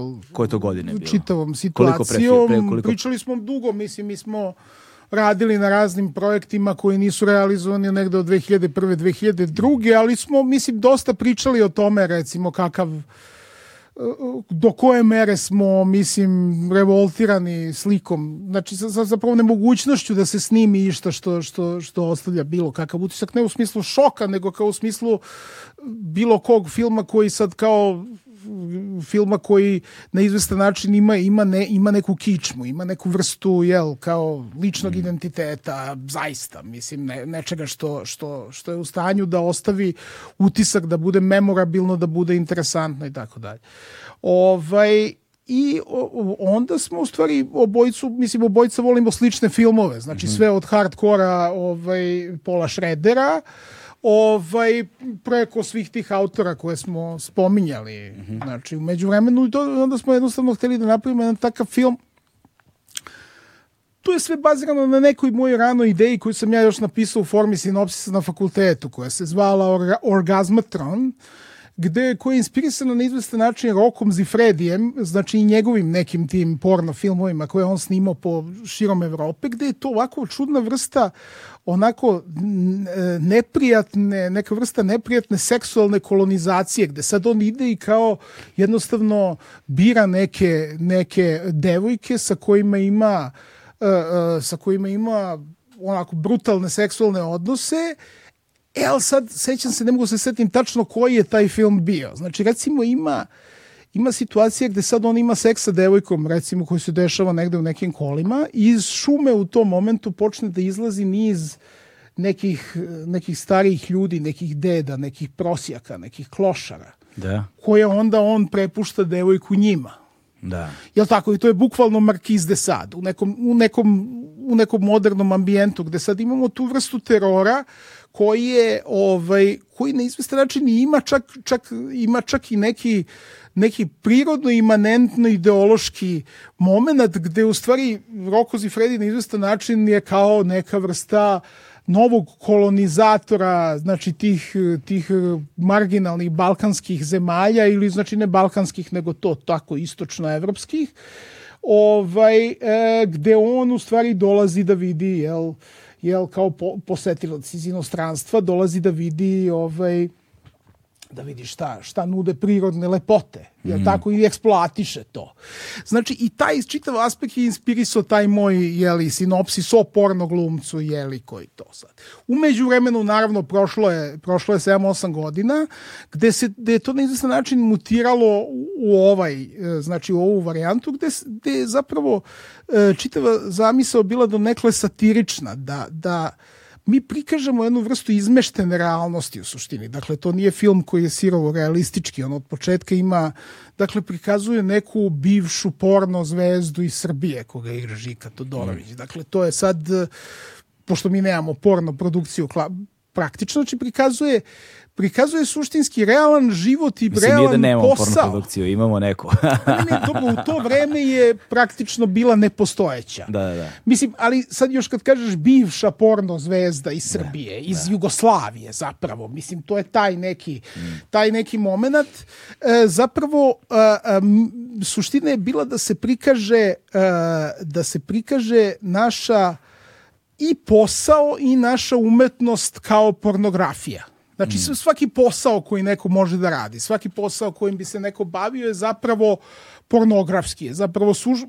automatski eksploatatorski. Jeli? Imamo običnog čoveka koji je neki porno glumac, je tako bio. Da, da, da. I sad imaš i tu onda odatle kreće čitava eksploatacija. Dakle, odatle kre, kreće čitava kao nudeti dobar posao, je tako? I sad kao, a sve, sav posao je pornografija. Sve što se radi je neka vrsta tako neke, neke zakulisne pornografije. Mislim da, to da, da, da, da to pokazuje funkcionisanje društva, naročito jedne marginalizo- marginalizovane sredine, kao što smo mi na jedan na jedan ovako dosta konotativan način. a ako posmatraš na tako, onda možemo da kažemo u suštini i da s- simbolički je to ono silovanje nacije. Silovanje nacije. bukvalno. Silovanje dece u toj naciji. Apsolutno. Pa ne, i silovanje onda ti to kad prikazuješ- Znači, to, to čak nema ni ovo što kažu sa- sa- sa- kao pedofilija, to čak nema ni pedofilsku zapravo pedofilija, to je filija, to je kao filija, znači podrazumeva neku vrstu ljubavi, emotivnog odnosa. Ovde je bukvalna eksploatacija, ovde je ubijanje dece, zapravo. Znači, mislim, nemogućnost mladih i mlađih da postignu bilo šta u jednoj automatski zaključanoj sredini, kao jedan bolestan zub koji je zatvoren i plombiran. Da, da. I ne, ni- nemogućnost da se bilo šta da se izađe iz toga na bilo koji način. Da. Znači, to pokazuje tu frustraciju. Znači, mislim, nasilje u filmu je neka vrsta izražavanja našeg besa. Zapravo u tom kontekstu. Ali, je, ali jedne snažne tačke čini mi se nekog antropološkog pesimizma. Apsolutno. gde ti Apsolutno. imaš ono kao Srbiju koja je izopštena od međunarodne zajednice, recimo 90-ih, a onda Da. imaš te mlade u Srbiji koji su izopšteni od Srbije. Koji su potpuno izopšteni. Potpuno izopšteni, da si, te, da, si- da si se ti u startu rodio ono kao da si se u startu rodio ono uh, upucan u kolena, Taman ono, su počeli stvari da budu da mi budu amputiran, interesantne. da. Taman sam počeo da da to da ozbiljnije pratim filmove i muziku i tako dalje. U tom momentu si presečen dolazi do do kraha, do rata, do sankcija, do do užasa. Znači imaš onda 10 godina Da. potpunog ludila, znači da je sve zatvoreno baš u momentima u tim nekim bitnim godinama kad kad treba da budeš otvoren prema ovaj kad ti je najznačajnije da dobijaš neke podsticaje, znaš, od spolja i da da da, da kao juriš stvari koje te zanimaju, ti bivaš ono u momentu potpuno izolovan. Da. I Ali onda opet, ali pazi, ali onda opet na neki način srpski film govori jel te, o srpskom stanju Tako je. koji kritikom i frustracijom tog srpskog stanja kroz antropološki pesimizam tog srpskog stanja ipak činjenicom da je napravljen govori o nekom optimizmu. Znaš, govori o nekom, Jeste. govori o nekom, da ne kažem, pomirenju. Pa ne, ne, jeste mi, pa evo, pa to kažem, pomirili smo sve Srbije protiv sebe. da. Ovaj, e, e, jeste, mislim, taj film je, je rađen sa velikim guštom. Jeli, to je rađen je sa, sa, sa, sa istinskim porevima, jel, sa autentičnim porevima, apsolutno. Znaš, ja volim da kažem to što si upravo rekao, da se referišem na to da je to zapravo to pogrešno je čitati taj film kao realistički prosede. Taj film je sušti, možda srpski psihološki realizam. da, da, da. da. Ako bi neko to uzeo da analizira na taj način. Da, tako? da. Ili možda srpski traumatski realizam. Može i tako, ali Znaš. kažem suštinski psiholoz, da, to je, jer mi smo, mi smo kao nacija suštinski u, u posttraumatskom stresu. Još uvek. Dakle, mislim još uvek, ko, ko- kon, konstantno. Mm. Pa posle Turaka došao je prvi svetski rat, pa Kraljevina Jugoslavija koja nije Srbija, pa, pa drugi svetski rat, za- zapravo ne, prvi svetski rat, drugi svetski rat, Ne. pa komunizam, je li kao navodno tamnica naroda i onda posle dolazi, dolazi ovaj haos. Ovaj haos. da. Znači i mi smo na izvestan način zbog toga i nacionalno neiživljeni, jel tako što je potpuno razumljivo. Znači imamo tu jednu vrstu Naravno, sve kroz pros- posttraumatski stres koji još nije pro- prošao. Pa mi se od cara Dušana, od posle cara Dušana, znači nismo oporavili. Da, pa po- kad posmatraš nacionalist... nismo Kad posmatraš nacionalističke matrice koje imamo danas, koje provejavaju kroz apsolutno sve aspekte društva, to negde postaje evidentno. Da. Ali treba pogledati u to ogledalo.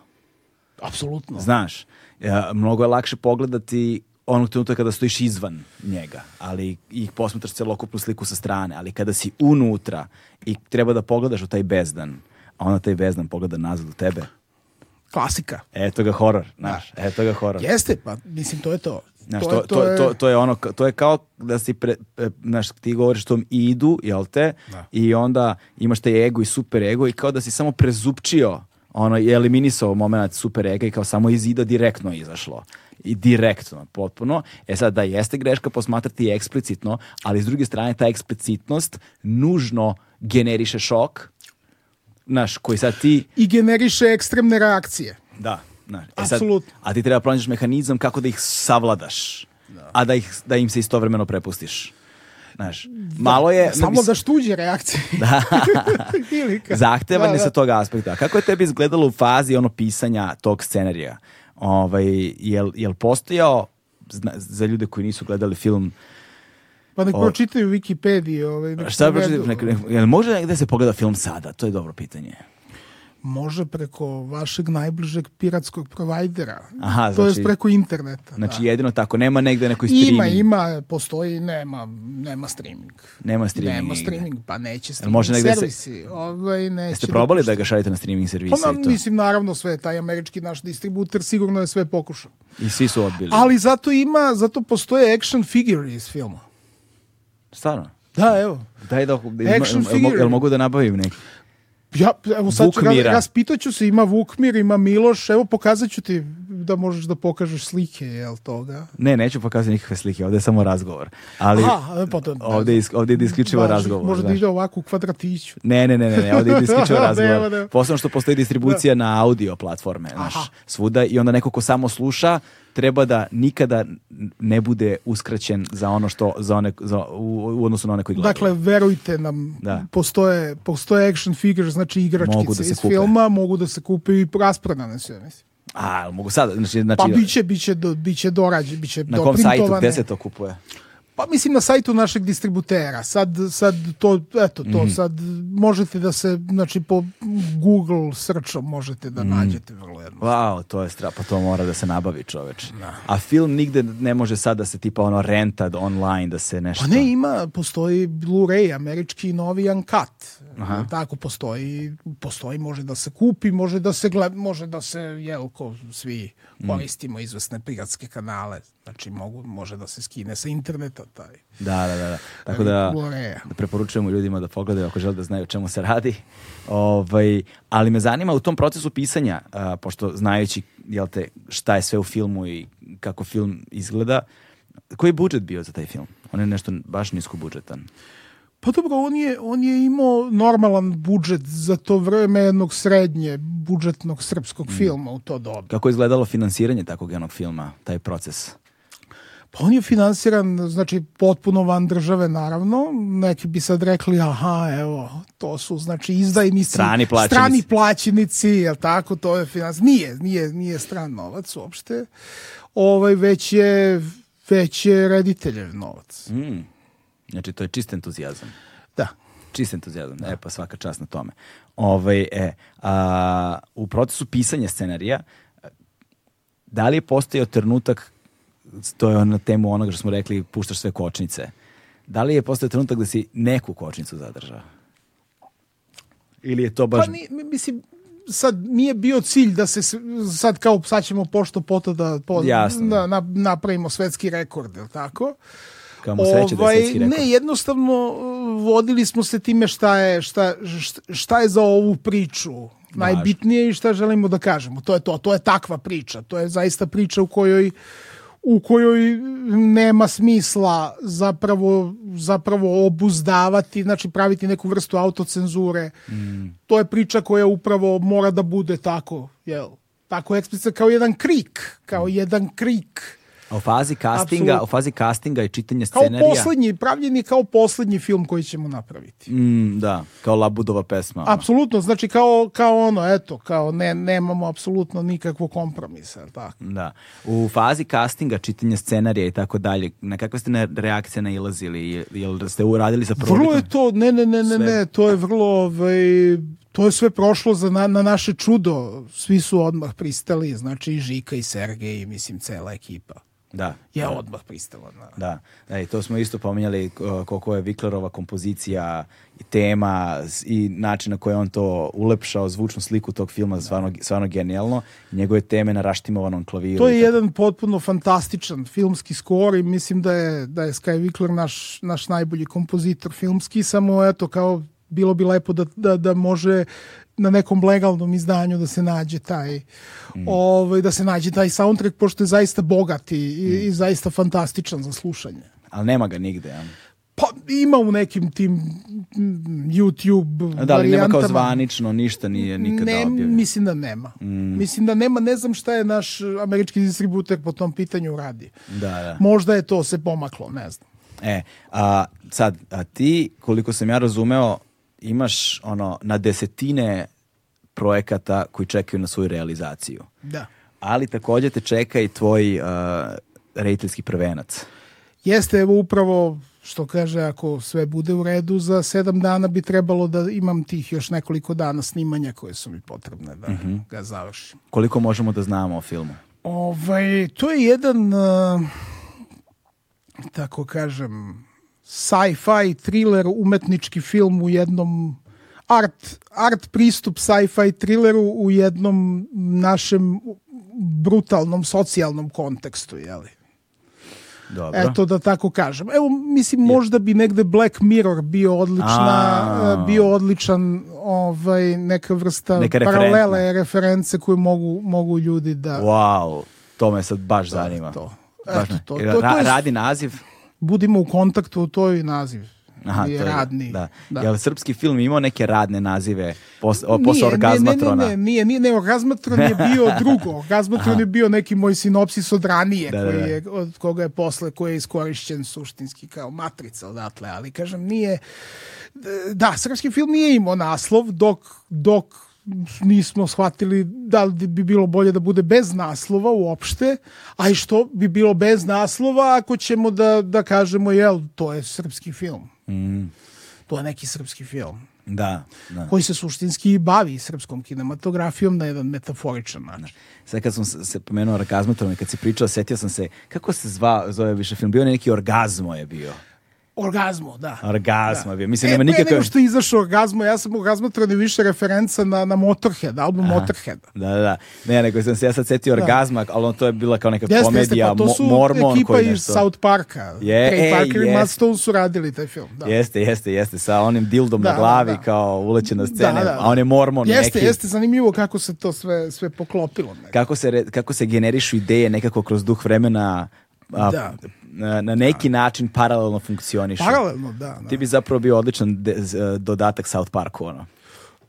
Vrlo rado. Znaš, kao scenarista bio bi odličan dodatak South Znači, Parku. Parker i Stone, zovite me. Da.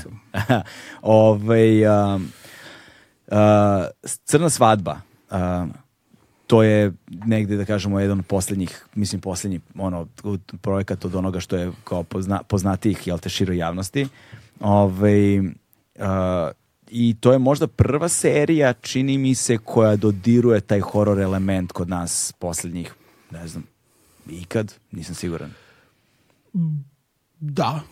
Da, ne, mislim, moguće, ne, dobro, bilo Ne, je... ne znam, razmišljam, ti bolje znaš od mene, Da, znaš. bilo je filmova, naravno. Da, da, govorimo o seriji, televizijskoj. Serija.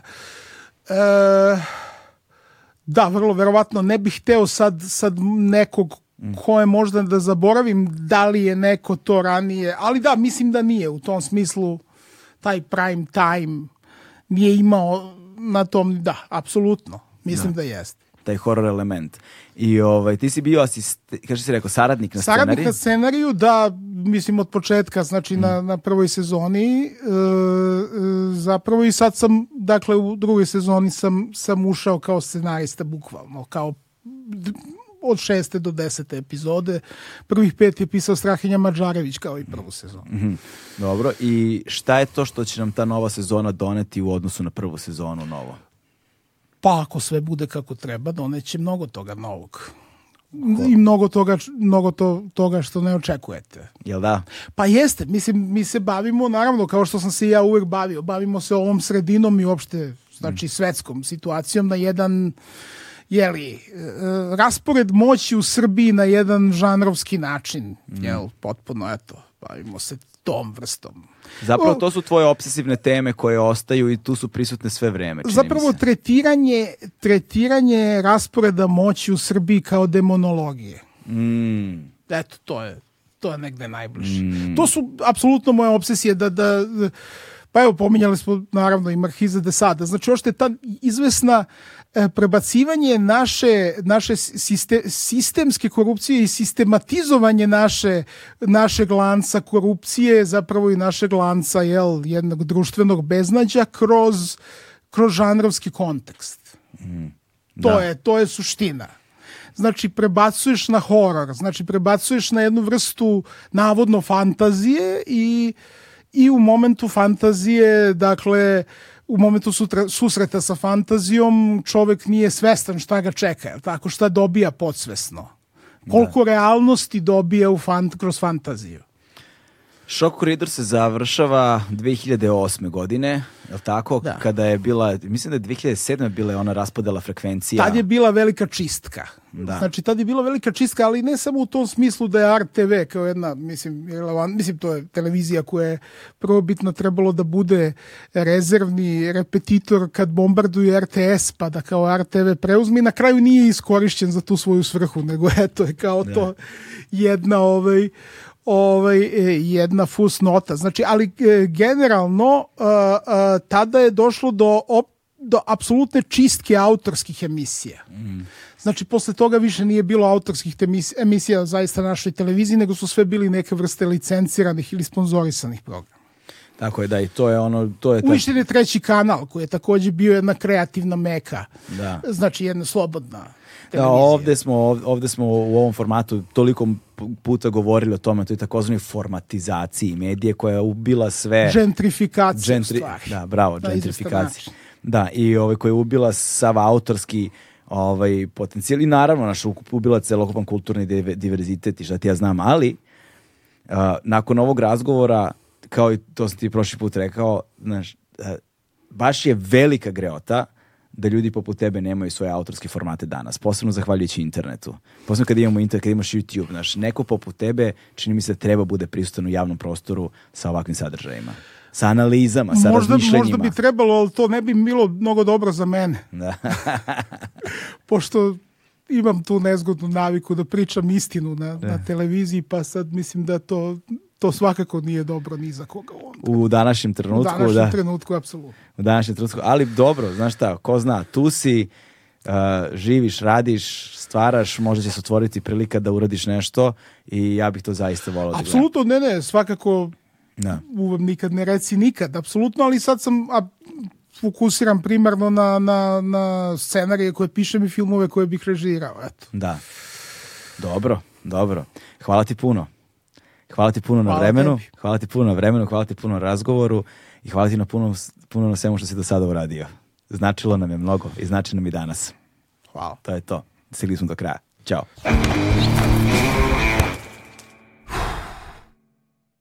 Hmm.